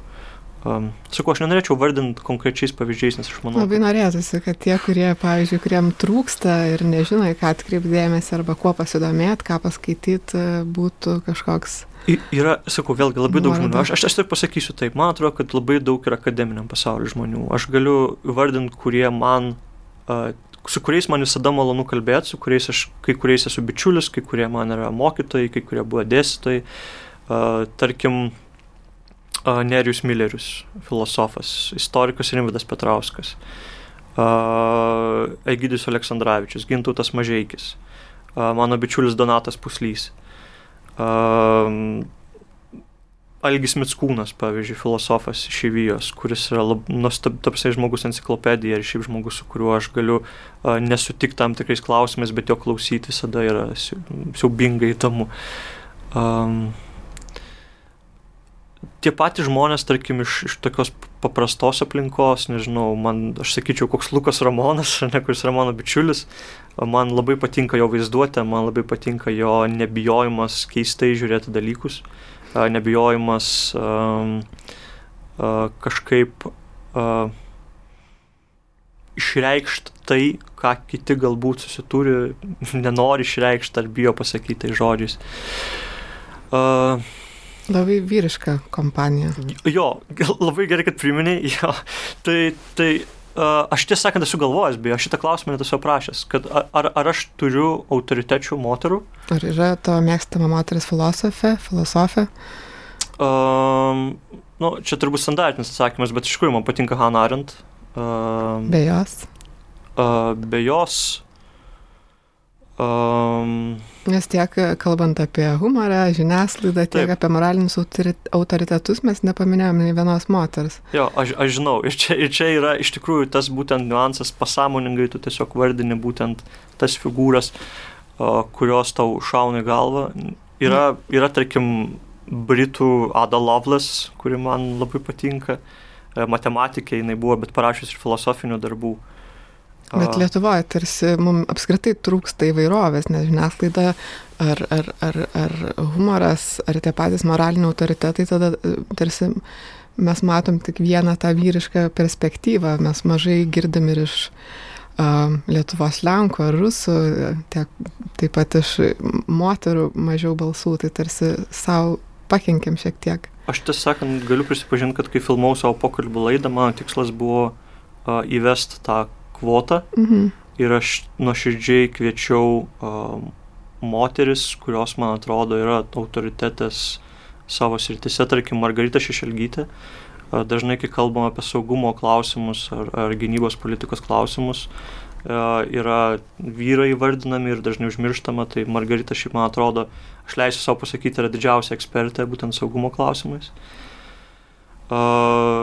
Aušra Kaziliūnaitė, kuri man patinka kaip poetė, aš, aš esu ir sakęs ją tiesiai ir esu sukvietęs uh, į savo laidą.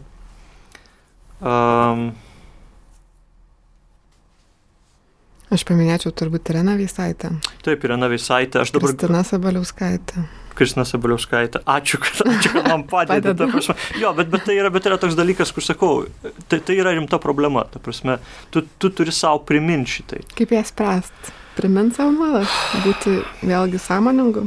Taip, tiesą sakant, man tenka dažnai savęs paklausti, tarkim, palauk, ar tu nepamiršai kažko, tu prasme, ar palauk, ar tu neužsidarai kažkuriam klausime, va tam patogiam burbulė. Kuriame... Bet dažnai paskui sako, taigi reikia natūraliai, turi viskas veikti, nėra jų, nu ir nėra ir viskas, kodėl mes dirbtinai turim ne, tą daryti. Nėra, tai aš, aš pats jaučiu tą prasme, kad taip nėra ir tu pats augdamas, turbūt natūralu, kad pats augdamas ir būdamas berniuku arba paaugliu, tu labiau žiūri į tuos e, father figure tokį, ta prasme, tai tu žiūri tuos vyrus filosofus, uh, paskui tu susiduri su, su tikrove ir su akademiniu pasauliu. Ir tu atrandi daugybę, daugybę tokių žmonių, kurie a, palieka tau įspaudą, nu, bet vienokį irgi sakau, tu dažnai užmiršti tai paminėti. Ta prasme, tu mm. dažnai už, užmiršti tokius dalykus, tarkim, man dabar šovė galva, kai tu mane privertai tai padaryti, tarkim, Nijolė Radavičinė, kuri mm. man dėsta logiką. Mm.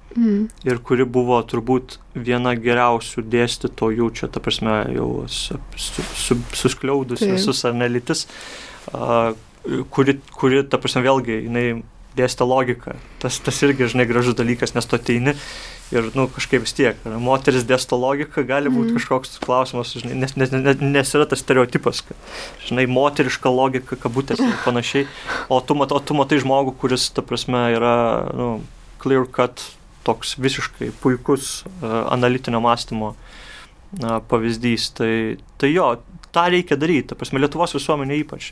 Aš, aš net esu irgi sakęs šitą, kad Lietuvoje moteriam, mano manimu, jom trūksta uh, tiek postumio, uh, tiek kartais pačiom trūksta aktyvumo. Man atrodo, kad jos nėra pakankamai drąsios. Aš prisimenu savo studijų laikus uh, ir aš manau, kad pas mus žiūrint į tą filosofinį talentą, tai jo buvo po lygiai, tiek vyrų, tiek moterų pusiai. Ir buvo merginų, kurios uh, tikrai galėjo tapti uh, rimtom uh, akademinio pasaulio uh, dalyviam, bet um, jos kažkaip, nežinau, ar nesulaukdavo pakankamai palaikymo. Tu prasme, jos akivaizdžiai nesulaukdavo pakankamai mm. palaikymo šiaip, nes filosofijos fakultete buvo ganėtinai tokia um, konservatyvi aplinka, aš taip subtiliai pasakysiu. Uh, kitas dalykas, kurios pačios turbūt neturėdavo drąsos tiek, tiek, tiek eiti. Čia vienas su kitu susiję. Ne, jo, ne visos gali būti Nidom Vasiliauskaitam, mm. tu prasme irgi, kurios, kurios peržengia tos barjerus. Tai ir nereikia. Jo, ta, aš, aš, aš turiu meni, kad ta prasme, ta žmogus, kuris nepaisant visų, visų, visų dalykų, ta prasme, peržengia tą ir stengiasi, stengiasi reikštis. Tai, tai jo, tu, tu mane prigavai sąžiningai pasakysiu tokį nepasiruošęs iš tam klausimui. Taip. Bet, bet jo, bet nu, aš manau, kad aš savo laidom bandžiau parodyti ir, ir, ir savo dabartiniais tam tikrais paminėjimais. Ir, ir šiuo metu dirbi su kandidatė į prezidentės. Taip, taip, bet, bet, bet šito tikrai trūksta, aš sąžininkai pasakysiu mm. ir aš manau, kad e, čia vyrai galėtų daugiau prie to prisidėti. Aš pats irgi stengiuosi save stumti prieki, kad prisidėčiau. Tarkim, mažai ką žino, bet uh, aš pasistengiau papausinti Facebook'e, kad Lietuva turi savo moterų ledo rytulio rinktinę ir nežinau pasaulio, pasaulio čempionate. Man labai žavus toksai labai momentas ir aš, ir aš labai džiaugiuosi, kad toks sportas gražus, ta prasme, jame yra postumis, kad mes turim ir moterų rinktinę ir kad tai ne, nebeliko berniukų žaidimas. Mm. Kalbėdamas apie moralinius autoritetus ir tos žmonės, paminėjai ir tą labai svarbą elementą, tokį kertinę empatiją ir jautrumą. Ir neseniai buvo toks Vladimiro Laučiaus tekstas Lietuva nekenčianti Lietuvos, kuo virto Runkelių ir Elito kova, e, kuris, kuris kalba apie visą tą procesą tos situacijos, kurioje esam dabar. E, buvo tokia viena vieta, kur aš irgi noriu pacituoti. Deja, elitui save priskiriantis kovotojai su tamsybėmis dažnai arba nedažniausiai yra netikras dirbtinis elitas, toks, kurį Leonidas Donskis vadino angliškų žodžiu self-appointed, save pasiskyręs. Jis vedamas neapykantos, aptekęs kompleksais ir tuo, ką Friedrichas Nyčia vadina resentment. Ir į šitą tekstą Algis Ramanauskas, kuris nuolat vartoja, pavyzdžiui, žodį debilas, beveik kiekvienam postui yra ir kalba apskritai labai tą grubę manierą, e, rašo šitaip, kad Laučius tarsi stebisi, kad vyksta paniekos runkeliams karas, tuo tarpu, tuo tarpu stebėtis nėra kuo. E, to priežastis yra labai paprasta. Dabar net bomžai turi Facebook'o paskyrą. Ir, ir, ir čia toliau rašo, kad va, normalų žmonės taiga ėmė matyti visą tą human waste, e, tas žmogiškas šiukšles, atliekas, e, kurios, kurių, kurių, kurios yra visose kraštuose. Tai žodžiu, ir, ir tada užbaigė tuo, kad ar yra šiame mano tekste empatijos Bartašiūnaitėms ir runkeliui nėra ir būti negali ir nieko čia nepadarysi. Um, tai čia tokia vėlgi situacija, ar ne apie tai, kad mes kalbam, jog tarsi esmė yra, čia keli tie dalykai įdomus, vėlgi ta empatija, kurią paminėjai, jautrumas. Taip E, tada tas susipriešinimas, e, šitas self-appointed save pasiskyręs elitas, e, kuris piktinasi ir nenori jausti empatijos ir, ir nejaučia. Ir kur, kur veda tokia, tokia e, situacija? Ar gali ta panieka, neapykanta, e, vadinimas human waste, žmogiškom kažkokiam atliekom ir šiukšliam kažką spręsti? Uh, nu, šitom klausimui aš labai sudėtingoje situacijoje. Pirmas dalykas, tai turiu deklaruoti, kad su Elgiu mes esame pažįstami ir aš a, laikau jį bičiuliu. Taip, ir tu savo laidoje kalbinai. Jo, aš kalbinu savo laidoje. Kalbant apie šitą konkretų atvejį, aš manau, kad Algiui gerokai trūksta būtent empatijos, bet jis kalba, nu, ta prasme, jis kalba to žmonės labai nužmogindamas. Aš manau, kad jis asmeniškai, ta prasme, čia vėl mano traktavimas, asmeniškai jis turi nemažai empatijos ir pats jie puikiai naudojasi, bet kai kalba apie tokius socialinius procesus, jis atsistoja į tokią elitistinę poziciją ir labai griežtą principingą poziciją, kurie nemato, kad nu, tie žmonės, nu, užsiema tam tikrą, gerai aš pasakysiu paprastai, užsiema tam tikrą socialinę inžineriją. Yra žmonės, kuriais jeigu atsikratysim, visuomenė taps geresnė. Bet čia labai primena praeitį ir istoriją. Na, tai, tai, tai, tai yra teorinis dalykas, ta prasme, tai jo, tai, tai yra teorinis dalykas, um, bet jo, aš ne visiškai nepritariu tai pozicijai. Aš uh, manyčiau, kad šitam visam uh, konflikte, ta prasme, aš nepritarčiau nei tam, kad tas elitas būtinai yra uh, self-appointed.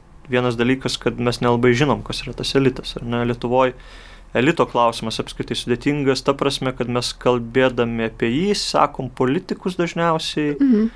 Uh, nu, ta prasme, tie žmonės, kuriuos aš vardinau kaip savo moralinius autoritetus, jie turbūt paprastas žmogus, sakysi, nepatenka į elito struktūrą, jiem elitas ar nėra Grybauskaitės kornelis. Tai šita, šito požiūriu, kas yra self-appointed, tada aš užduočiau klausimą, ta prasme, ar mes ne patys juos išsirenkam ir po to laikom elitų. Mhm. Ir ar tie žmonės, kurie iš tikrųjų yra elitas, uh, turėtų save įprasminti būtent per tą poziciją, kad, nu, vat, self-appointed, ta prasme, aš, aš bandau būti, ar ne? Aš sprendžiu. Jo, aš, aš bandau būti jo, mm -hmm. ne, moraliniu autoritetu kažkokiu ar kažkokiu pavyzdžiu. Uh, tai, tai ši čia yra toks paradoksas savotiškas, kad kartais elitas, kai jo tiesiog visuomeniai nereikia, jis atsiranda būtent tuo principu, self-appointed.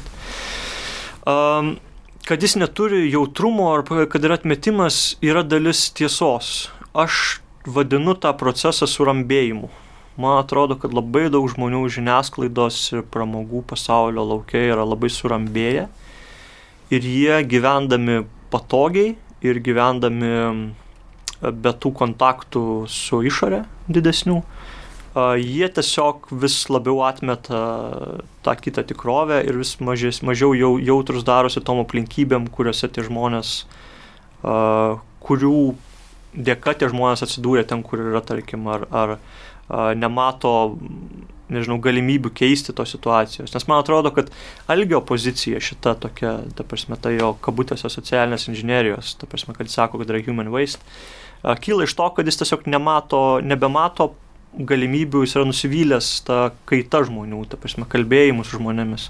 Čia turbūt yra esminis skirtumas tarp mūsų ir beje mes net kažkada pokalbį esam, tai vienas kitam išsakė, kad aš sakau, kad aš, nu, aš juokai sakiau, kad aš esu durnas, sakau, aš tikiu uh, ge, ge, gebėjimu keisti žmonės. Aš manau, kad net su kvailiausiu kabutėse vėl žmogum, uh, tu gali atsisėsti ir tu gali su juo pasikalbėjęs atras kažkokių taškų. Ir tiesą sakant, man uh, yra nekarta taip atsitikę, kad su žmonėms, kuriais aš turėčiau, nežinau, pult muštis. Bet reikia darbo ir kantrybės. Reikia laiko. darbo ir kantrybės. Ir čia tas darbas ir, ir atvirumo abiejų žmonių. Jo, ir kol aš esu jaunas ir naivus ir idealistas, turbūt aš turiu daug to.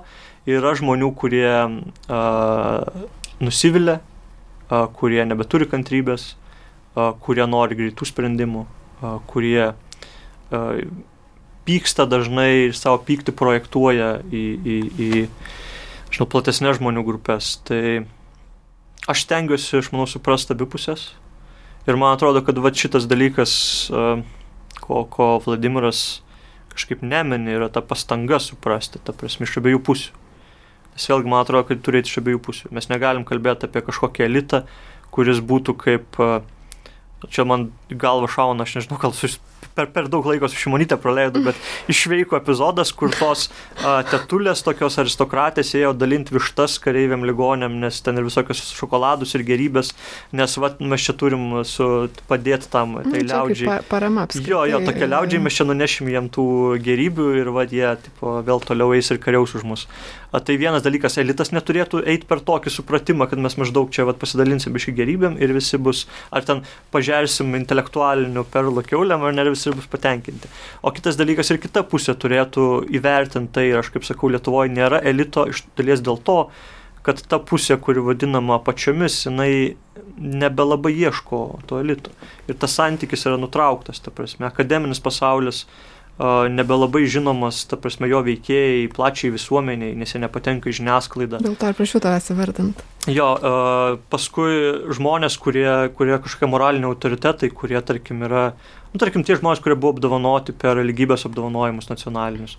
Kiek žmonių provincijoje, tarkim, žino jos jų darbus, ar, ar, ar, ar, ar nori žinot galų gale, kodėl, kodėl kažkas tai įvyko, kodėl, pavyzdžiui, um, nežinau. Uh, Man atrodo, kad, kad mums mokyklose netgi trūksta to apskritai debatų. Socia, jo, e, e, socialinio, socialinio pavyzdžio, kažkokių dalykų, socialinių iniciatyvų pavyzdžių, ta prasme, mums, mums tai nėra parodoma ir mums atrodo, kad kažkas nukrenta. Arba netgi yra va, tas nustatymas valdžia duos, todėl kad nėra matoma kitų sluoksnių visuomenės, kurie galėtų tą patį duoti, prasme, arba kurie, kurie galėtų duoti kažkokį, kažkokią bendrąją gerybę, tarkim, kurie galėtų pasidalinti žinojimu savo. Ir trūksta to gebėjimo diskutuoti, kalbėti, susitikti vieniems su kitais ir išklausyti nuomonės. Ir čia turbūt irgi švietimo sistemas, galbūt man atrodo, kad žinai, mokykloje turėtų būti debatai, turėtų būti oratorystės menas, iškalbos, nes žmonės sunkiai kalba, sunkiai savo mintis Taip. dėsto, o tai ką be kalbėti apie pokalbį, diskusiją. Ir, ir, ne tik, ir, ne, ir ne tik oratorystė, man atrodo, oratorystė čia yra e, paskutinis tortas sluoksnis, aš sakyčiau, ir psichologijos, mm -hmm. socialinės psichologijos kursai. Taip. Šiaip apskritai, tarkim, psichologinių problemų aptarimas mokykloje, kur, kurio, kurio mes visiškai neturėjome. Čia ilga tema turbūt būtų bet turbūt dalykas, jeigu mes kas nors paklaustų dabar, ko labiausiai trūksta visuomenėje visose sritise, tai yra a, būtent kalbėjimas apie psichinę sveikatą. Taip, pasakysiu, tai general. Viena svarbiausia tema. Jo, tai mm. iš, iš šito labai trūksta ir nuo to turėtų prasidėti dalykai ir po to jie mm. eiti apie, apie ką kalbama, Toliau. kokius klausimus mes keliam ir tada jau oratorystė, kaip mes tai pasakom, ką mes norime mm. pasakyti. Mm. Dar noriu grįžti prie šitos empatijos ir tuo pačiu pri, pridėtą kitą politkorektiškumo e, tokį te, temą, aspektą. Ir e, viena, vien, vienas Andrius užkalnė tekstas, jis rašo, kad... Įmat geriausius. E, nu, man labai įdomu, žinai, ja, ja, ja. Suprie, nu, vat, pažiūrėti, ja. kokie yra kraštutinumai. Aš tikėjausi Nyčias ir Kanto. E, ne, tai aš tau šitą palieku. Aš gerai, sakau vieną mhm. pusę, mhm. tu už kitą atsakingas, ja, ja, išlaikyti balansą. E, va, ir jis rašo, vienos laidos filmavimo manęs klausė, kas per 20 metų daugiausiai padarė Lietuvai žalos. Sakau, Leonidas Donskis. Nebejotinai protingas ir turbūt gerų norų, vedinas profesorius nešė ir neša vėliavą to mąstymo, kuris nuodė Lietuvą iš vidaus savo atlaidumu blogiui. Nu, žodžiu, jis įrašo apie tai, kad liberalus intelektualai arba tolerantiški intelektualai su tokia tarsi paniekinama um, um, na ta, kad jie vat nuodija savo atlaidumu, empatija, supratimu, atjautą ar šiaip samoningumu ir, ir jautrumu e, visuomenę, nes leidžia tarsi e, bujoti blogį, bet ar gali būti per daug empatijos, per daug politkorektiškumo, nes čia vėl atsiranda, kad žmonės sako, e, mes čia turim būti tokie politkorektiški, kad nebegalim nieko pasakyti, kad varžoma žodžio laisvė, bet man iš tikrųjų tada skamba, aš girdžiu, kad, a, aš tiesiog tingiu galvoti, kaip ką pasakyti, nes aš manau, kad yra taip ir kodėl aš negaliu sakyti N žodžio apie juodaodžius kalbėdamas, jeigu aš jį sakiau mokykloje ir panašiai. Ar gali, ar, ar iš tikrųjų politkorektiškumo, e, empatijos ir jautrumo gali būti būti per daug, ar jis gali būti žalingas? Uh, aš esu skaitęs šitą tekstą, jis... jis uh, aš, a, a, Aš, aš galiu duoti palyginimą, mums man dabar atėjo galva, kai tu skaitai apie tai, kad šitie uh, empatiškiai, nebejingiai užnuodė visuomenę, tai man labai priminė Dostojevskio broliuose Karamazovose, kur yra inkvizitoriaus epizodas ir kur inkvizitorius kaltina sugrįžusi Jėzų, kad jis užnuodėjo būtent visuomenę šitą vėjingumą.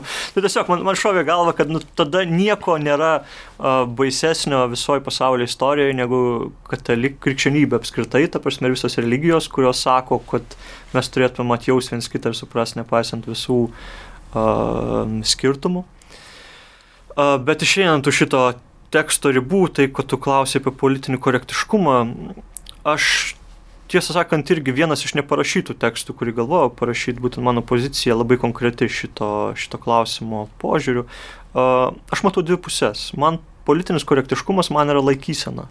Aš kalbu tokia individuali laikysena. Mes kiekvienas turime būti poli politiškai korektiškas kitam asmeniui. Tai reiškia, kad aš atsiž atsižvelgiu į kito žmogaus uh, reikalavimą ar kitos žmonių grupės reikalavimą, kaip jie norėtų, kad aš juos vadinčiau, kaip jie, kaip jie norėtų, kad aš, nežinau, elgčiausi su jais, kokį santykį aš su jais turėčiau, kaip aš su jais, uh, kiek aš leisčiau savo bendraudamas su jais, ko, kokia yra mūsų ta juokų riba. Bet mes nusistatom tai patys, ta prasme, tam individualiam santykiai arba santykiai su nedidelė žmonių grupė.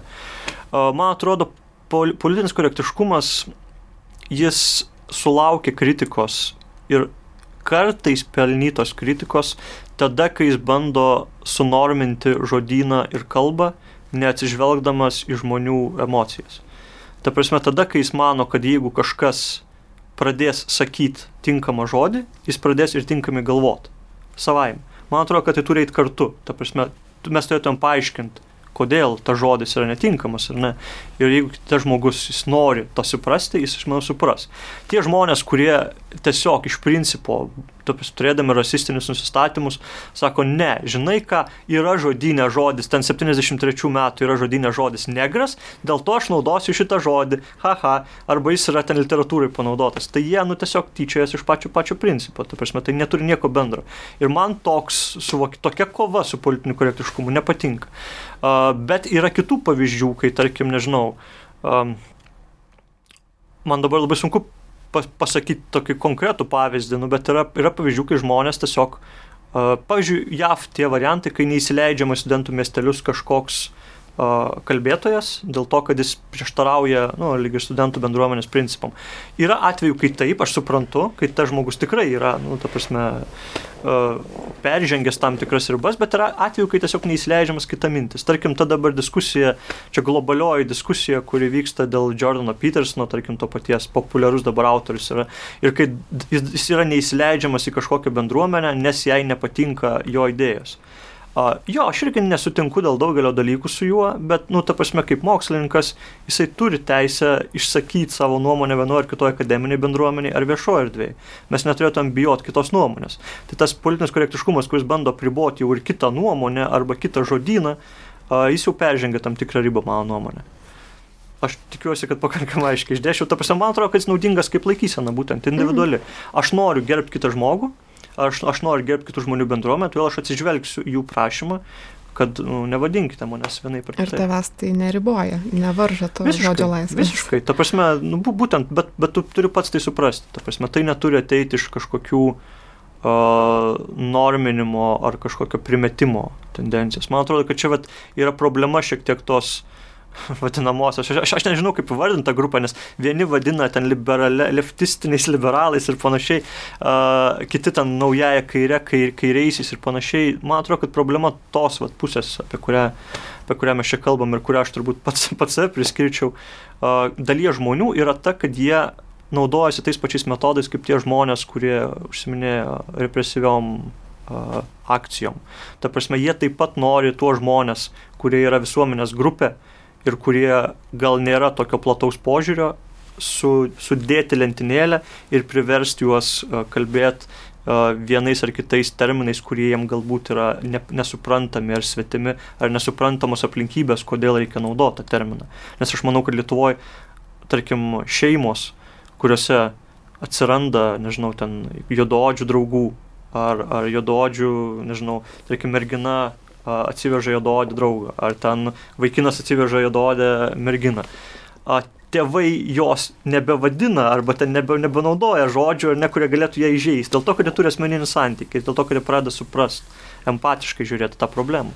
Tai man atrodo, kad reikėtų plėsti tą požiūrį, kad žmonės suvoktų, kad, ei, pala, nu, aš turbūt turiu elgtis taip, kaip norėčiau, kad kiti žmonės uh, elgtųsi su manim ir kaip jie jaučiasi paklausti savęs.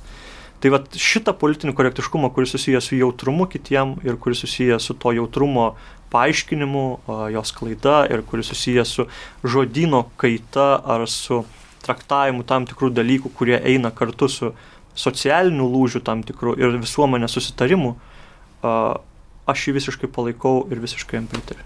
Mhm. Ir dar pabaigai apie pačią žiniasklaidą ir žiniasklaidos lauką. Dabar tokia labai nebeaiški e, ta toks riba tarp žurnalisto ir humoristo, tarp žurnalisto ir aktyvisto, nes žurnalistai pradeda organizuoti protestus. Jo, paskui reikia teisti su premjeru. Ne? Taip, tai e, visi tarsi tampa žurnalistais, Facebookas žiniasklaidos priemonė. Tampa svarbios asmenybės, kurias mes arba labai greitai išaukštinam, arba labai greit sumalame miltus, jeigu jie padaro bent kažkokią mažą klaidą. E, tai kaip tu matai Lietuvos žiniasklaidos lauką, e, tarsi ar tau trūksta kažkokios erdvės, ar užtenka ir socialinių tinklų, kaip renkiesi, kur kalbėti, pavyzdžiui, rašiai Delfi, kuriame rašo ir Andrus Užkalnis, kurio pavyzdžių nelabai džiaugiais, ar ne?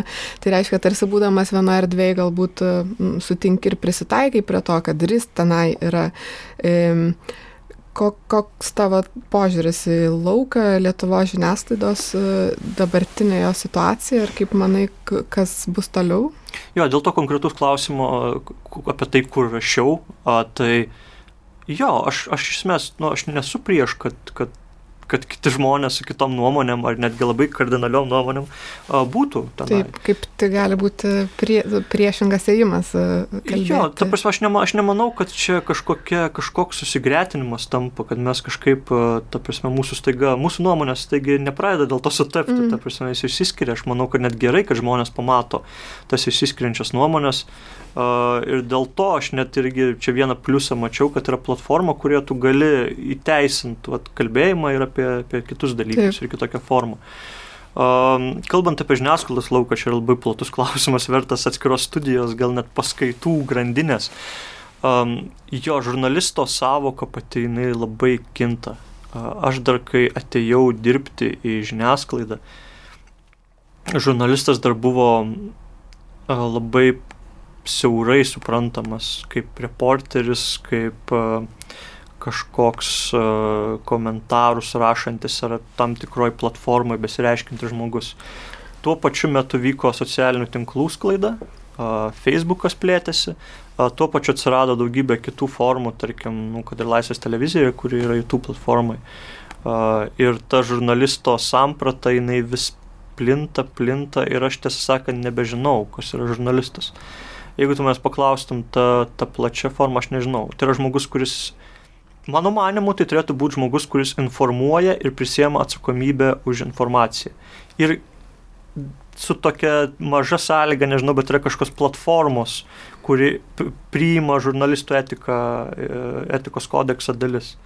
Gali būti ir freelanceris. Tai aš dėl to mhm. sakau, ta maža riba, Taip. kad, ta prasme, platformos tam tikros. Bet raktinė žodį mini etika ir etikos kodeksą. Taip, nu, ta prasme, kad tai būtų atsakomybė už, už tai, kas yra rašoma ir tai būtų ne tik išorinė atsakomybė, kad teisinė atsakomybė, nes etika visgi yra neteisinis Taip. objektas, tai yra ta vidinė atsakomybė, susitarimas dėl, dėl formos, kaip, Bet kaip rašoma. Ar tas žmogus, kuris baigęs žurnalistikos institutą, ketverius metus ir įsidarbinęs redakcijoje naujienas daro, net nesakau rašo, tiesiog daro ja. iš socialinių tinklų postų. Ja. Ar jis yra žurnalistas?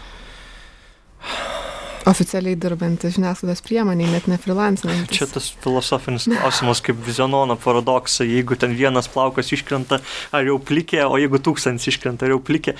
Uh, labai sunku pasakyti, aš nežinau, kas daro žurnalistų. Man atrodo, kad manęs konkrečiai klausiant, jeigu tu, žinai, ne, nestatutinio atsakymo nori, tai žurnalistų tave daro o, laikysena. Vėlgi, ta prasme, tu atsakingas už tai, ką tu parašiai. Pirmas dalykas, nori informuoti, tu nori, kad žmonės kažką sužinotų. Geru atveju, tu nori juos edukuoti, kad jie ne tik sužinotų, bet ir permastytų dalykus ir suprastų. Uh, ir tu prisėmė atsakomybę už tai, kas padaryta. Tai šito požiūriu Facebookas iš tikrųjų jį galima traktuoti kaip žiniasklaidos priemonę. Dažnai jis ir beje veikia kaip žiniasklaidos priemonė, nes dažnai nutinka dalykai, nu, ta prasme, ir, ir Facebook'e greičiau sužinai. Tai tarkim, labai geras pavyzdys yra man įsiminęs, kai profesorius Liudas Mažylis surado vasario 16 aktą. Tai uh, BNS uh, vadovas Vaidotas Beniušis paskelbė iš pradžių Facebook'e, man atrodo, o po to išėjo BNS pranešimas ir mes visi susidėjom. Nu tai jo čia tai ta, ta, toks rodymas, kad ta prasme šitie dalykai eina kartu. Um, aš nežinau, sakau, man atrodo, kad žurnalistas jau tampa savoka, kur tu kaip ir filosofas, tu arba prisiemi ją arba ne.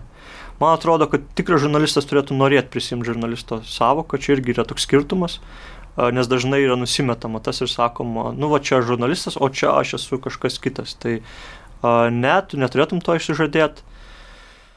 Bet vėlgi, sakau, viskas, tu kaip ir sakei, viskas taip kinta, kad man labai sunku pasakyti, pavyzdžiui, ar apskritai toks, tok, tokia profesija kaip žurnalistas išliks, ta prasme, ar, ar jinai transformuosis į kažkokią medijų personą, medijų, nežinau, ten rašantis kuriantis žmogus. Man jau dabar yra mislė copywriteris. Prasme, aš iki šiol nesuprantu, aš sąžininkai pasakysiu, iki šiol nesuprantu, ko copywriteris skiriasi nuo tiesiog, ta prasme, raša, rašytojas, mm. rašantis žmogus.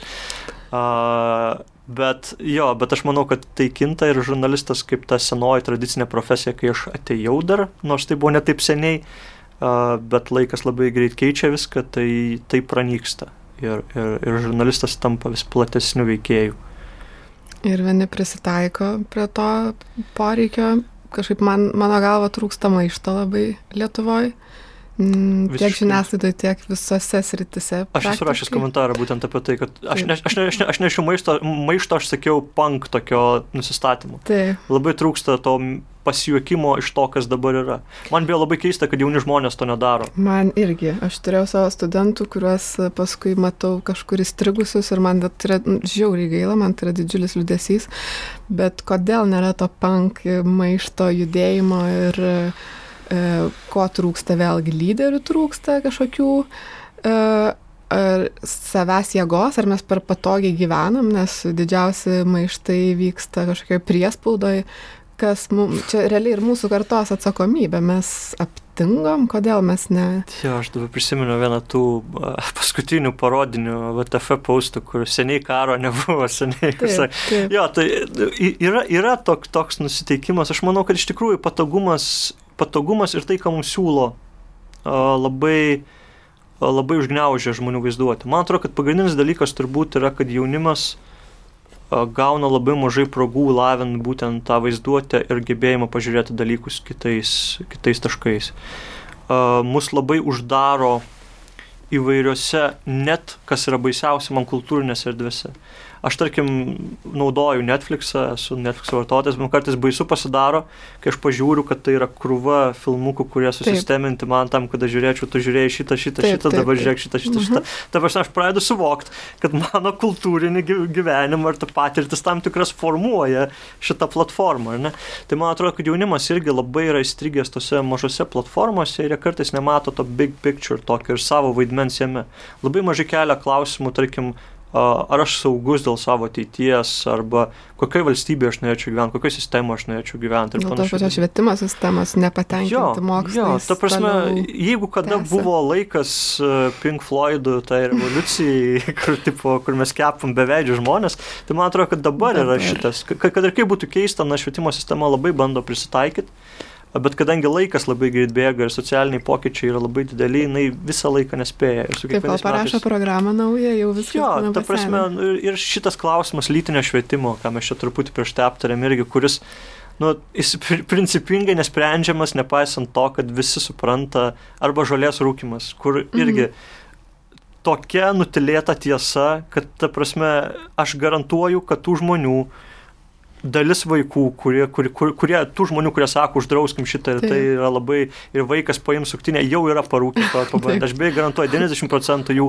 Uh, tai ir mes apie tai nekalbam, ta prasme, mes nebandom kažkaip įvest tai į normalios diskusijos lauką dalykus, kurie yra tikrovė. Čia dabar reikėtų kaip per Joe Rogan šau su masku užsirūkyti. Jo, ai, jo kodėl, kodėl ne? Aš, aš, aš, aš, aš, aš esu rūkęs, bet nesu fanas, prisipažinsiu tai. Uh, bet šiaip aš suprantu tuos, kur, kur, kuriem tai yra geras dalykas.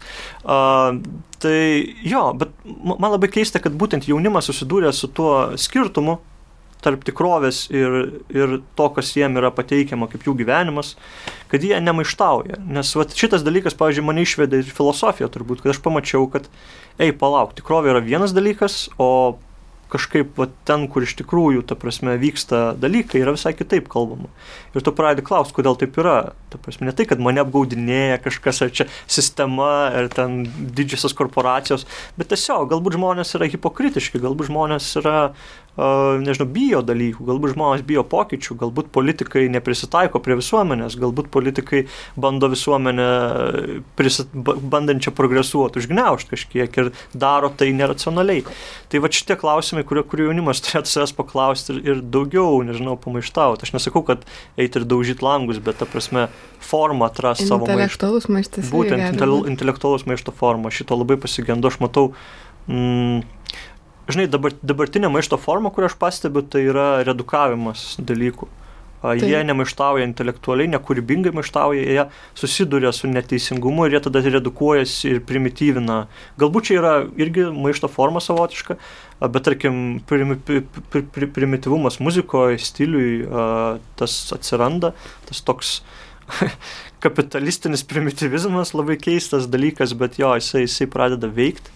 Um, gal, galbūt čia yra jų maišto forma, aš nenoriu, žinai, būti senas e, dėdė, kuris aiškina, kaip maištaut, bet kad to jausmo atrodo, kad trūksta, tai jo. Ir ypač beje iš pokalbių su jaunai žmonėm. Jau, mane labiausiai gazina, žinai, kas, aš įsivažiavau, sorry, bet tiesiog, čia, čia labai jautri tema man, mane labiausiai gazina tas, kad kai tu bendrausi jaunai žmonėm ir sakai, nu gerai, paklausk mes, ko nors pakalbėkim, jie tu matai, kad uždavinėja tą klausimą, kurį, kurį jie mano, kad tu nori išgirsti. Mm -hmm. Ir mane tai taip užknisa, aš, aš, aš, aš visą laiką esu prieš smurtą, jis prieš smurtą, prieš taip. vaikus, bet tu nori pakratyti gerai, įsakyti, nu, galvok savo galvą, tu paklaus to, kas tau iš tikrųjų rūpi. Taip, nes atrodo kartais, kad net neturi klausimų. Ja. Ir kad kartais nesupras, ar atrodo, kad viską žino ir dėl to neklausia, ar dėl to, kad nerūpi neklausia. Ir, ir ne tik, kad maišto trūksta, atrodo, bet trūksta ir noro kažkokio reikalaut, tarkim, iš tos pačios žiniasklaidos, jeigu kažkas netenkina ar ne, kad neužtenka pasijuokti iš antraštės, bet kad tu realiai suvok, gali suvokti, jog turi teisę reikalaut geresnio turinio pa, pa, savo pasirinkimais arba savo kažkokiais argumentavimais. Tai kad lyg ir to trūksta, lyg yra nusivylimas, kad realiai gali kažką pakeisti ar kažką padaryti. Ne, ja, apatija tokia. Mm. Ir beje, šiaip irgi vienas iš tokių ženklų, ko, ką aš pastebiu, nebėra to tokio maišto prieš tos to pop kultūrą vadinamą ir stabus tokius paduotus, ar ne. Aš visą laiką prisimenu, man paauglystėje labiausiai įsiminus, turbūt įsiminus daina buvo sportas Andrius Mamontovas. Vien dėl to, kad aš kai atradau, kad žiūrėk, čia yra grupė, kuri juokiasi iš Andrius Mamontovo. Faina. Jo, kaip faina, ta prasme, jie pasijuokė iš Andrius Mamontovo. Ir aš labai norėčiau, kad, ta prasme, nu, atsirastų ta jaunoji karta, kur ten, nežinau, sukuria punk roko dainą apie Andrių Tapiną, ten ar mane, pavyzdžiui, mm -hmm. kad atsirastų daina ten Paulius Gritėnas, jis įsivaizduoja, kad viską žino, ten mm -hmm. iš mhm. tikrųjų yra loseris. Ok, davai, ta prasme, padarykit šitą kažkiek, nu, ta prasme, išjudinkit visą. Tai aš pats gal tada perkratysiu ir galvosiu, ei, palauk, gal aš su tais jaunais žmonėm mm -hmm. neberandu kalbos, žinai.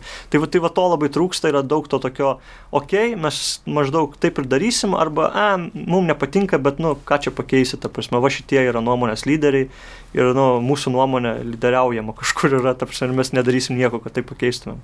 Tai jo, aš, aš labai norėčiau šito, labai norėčiau tokio mažyčio intelektualinio maišto, bet turbūt, nu, per patogiai, ne, seniai karo nebuvo turbūt.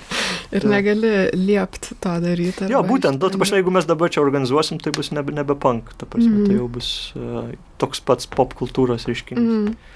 Ir pabaigai, nes jau labai ilgai užsikalbėjom, e, tavo tekstas buvo apie filosofinio klausimo baimę, e, kas susisieja irgi su tuo, galbūt ką tik kalbėjom ir kad e, rašė, jog turime prisijaukinti filosofinius klausimus, išmokti kelti juos ir pamatyti jų vertę. Ir taip pat skaičiau, jog tau tas svarbi prasmės e, ieškojimo e, dalis gyvenime. Ir neradimo. Tai, ir neradimo. Neišvengiamo. tai kokia yra tau to, ką darai prasme, kai pats ją matai, kokią susikuri, e, ką darai, kai kyla abejonių, kaip save kvestionuoji, testuoji. Jo, aš užduodu savo daug tada prasmės klausimų ir užduodu apskritai klausimų, ką aš noriu padaryti ir ar aš darau, ką nors gerą visuomeniai. Uh, vienas turbūt, viena iš krypčių, kuri mane veda kažką daryti, nes realiai, jeigu, jeigu man leistų, jeigu man, va taip mano, tą ting, tinginio dalį kas nors uh, nukirstų ir leistų jai veikti, tai aš tiesiog gulėčiau lovai, skaityčiau knygas. Uh, žiūrėčiau filmus, užsisakyčiau pizzą, sportą žiūrėčiau, aišku, išeičiau pasivaikščiot kartais, rūkyčiau, gerčiau ir panašiai. Ir nieko, nieko, nieko nesirūpinčiau per daug. Bet yra kažkas, kas veda, kas sako, kad, žinai, tu turi padaryti žmonės aplink save bent šiek tiek samoningesniais, geresniais, nes darydamas tai, tu ir pats kažkaip save perkratai ir, kaip ir sakiau apie tos tekstus, tu kažką sužinai kiekvieną kartą. Ta prasme, tu eini su to tokia uh, ieškotojo, uh, ieškotojo uh, laikysena. Tai čia labai gerai tiktų tas toks apjungtas Diogeno, to antikinio filosofo, kuris vaikščiojo su žibintu ir klausė, čia yra žmonių, žmonių minioj. Uh, apeliuodamas į žmogiškumą, ta prasme, ap, ap, tokios to absurdo formą parodydamas, kad žmonės nesusimasto apie tai, kad jie yra žmonės. Ir Sokrato tas toks ieškojimas per klausimus, per pokalbius.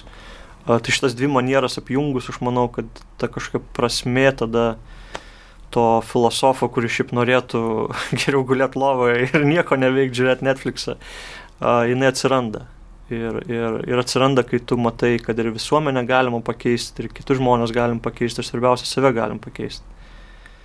Nes jeigu jau pats nustosiu keistis, tai tada turbūt reikia padėti šaukštą ir, ir, ir baigti baigt karjerą. Tai va, tai šitie, šitie klausimai ir šitas šitos nuolatinis klausimų uždavinėjimas, ką aš galiu padaryti geriau, um, ką aš galiu pasakyti, kuo aš galiu prisidėti prie bendros gerovės, kaip aš save galiu padaryti geresniu, um, kaip aš galiu laimingesnis pasidaryti, kaip aš galiu melancholijoje atrasti laimės ar ten depresyvioje nuotaikoje atrasti prasme. Tai jie nuolat ir veda į priekį. Ta prasme, tas filosofinis klausimas jis reikalingas būtent kaip katalizatorius, nes atsakymų juos nėra, o prasme yra klausti. Tai ačiū labai. Ačiū dabar.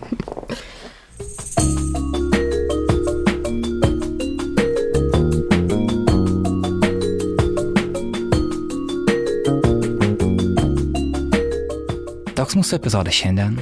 Ačiū Pauliui, ačiū Bertai. Šį įrašą atlikome Kaune, VDU įrašų studijoje. Už techninį darbą ačiū Almantui Seliukui. Na, o mano balsą įrašome mūsų nuolatinių partnerių Martino Mašvido bibliotekos studijoje. Čia dirba garsistės Kati Bitoft ir Aistė Baltraitytė.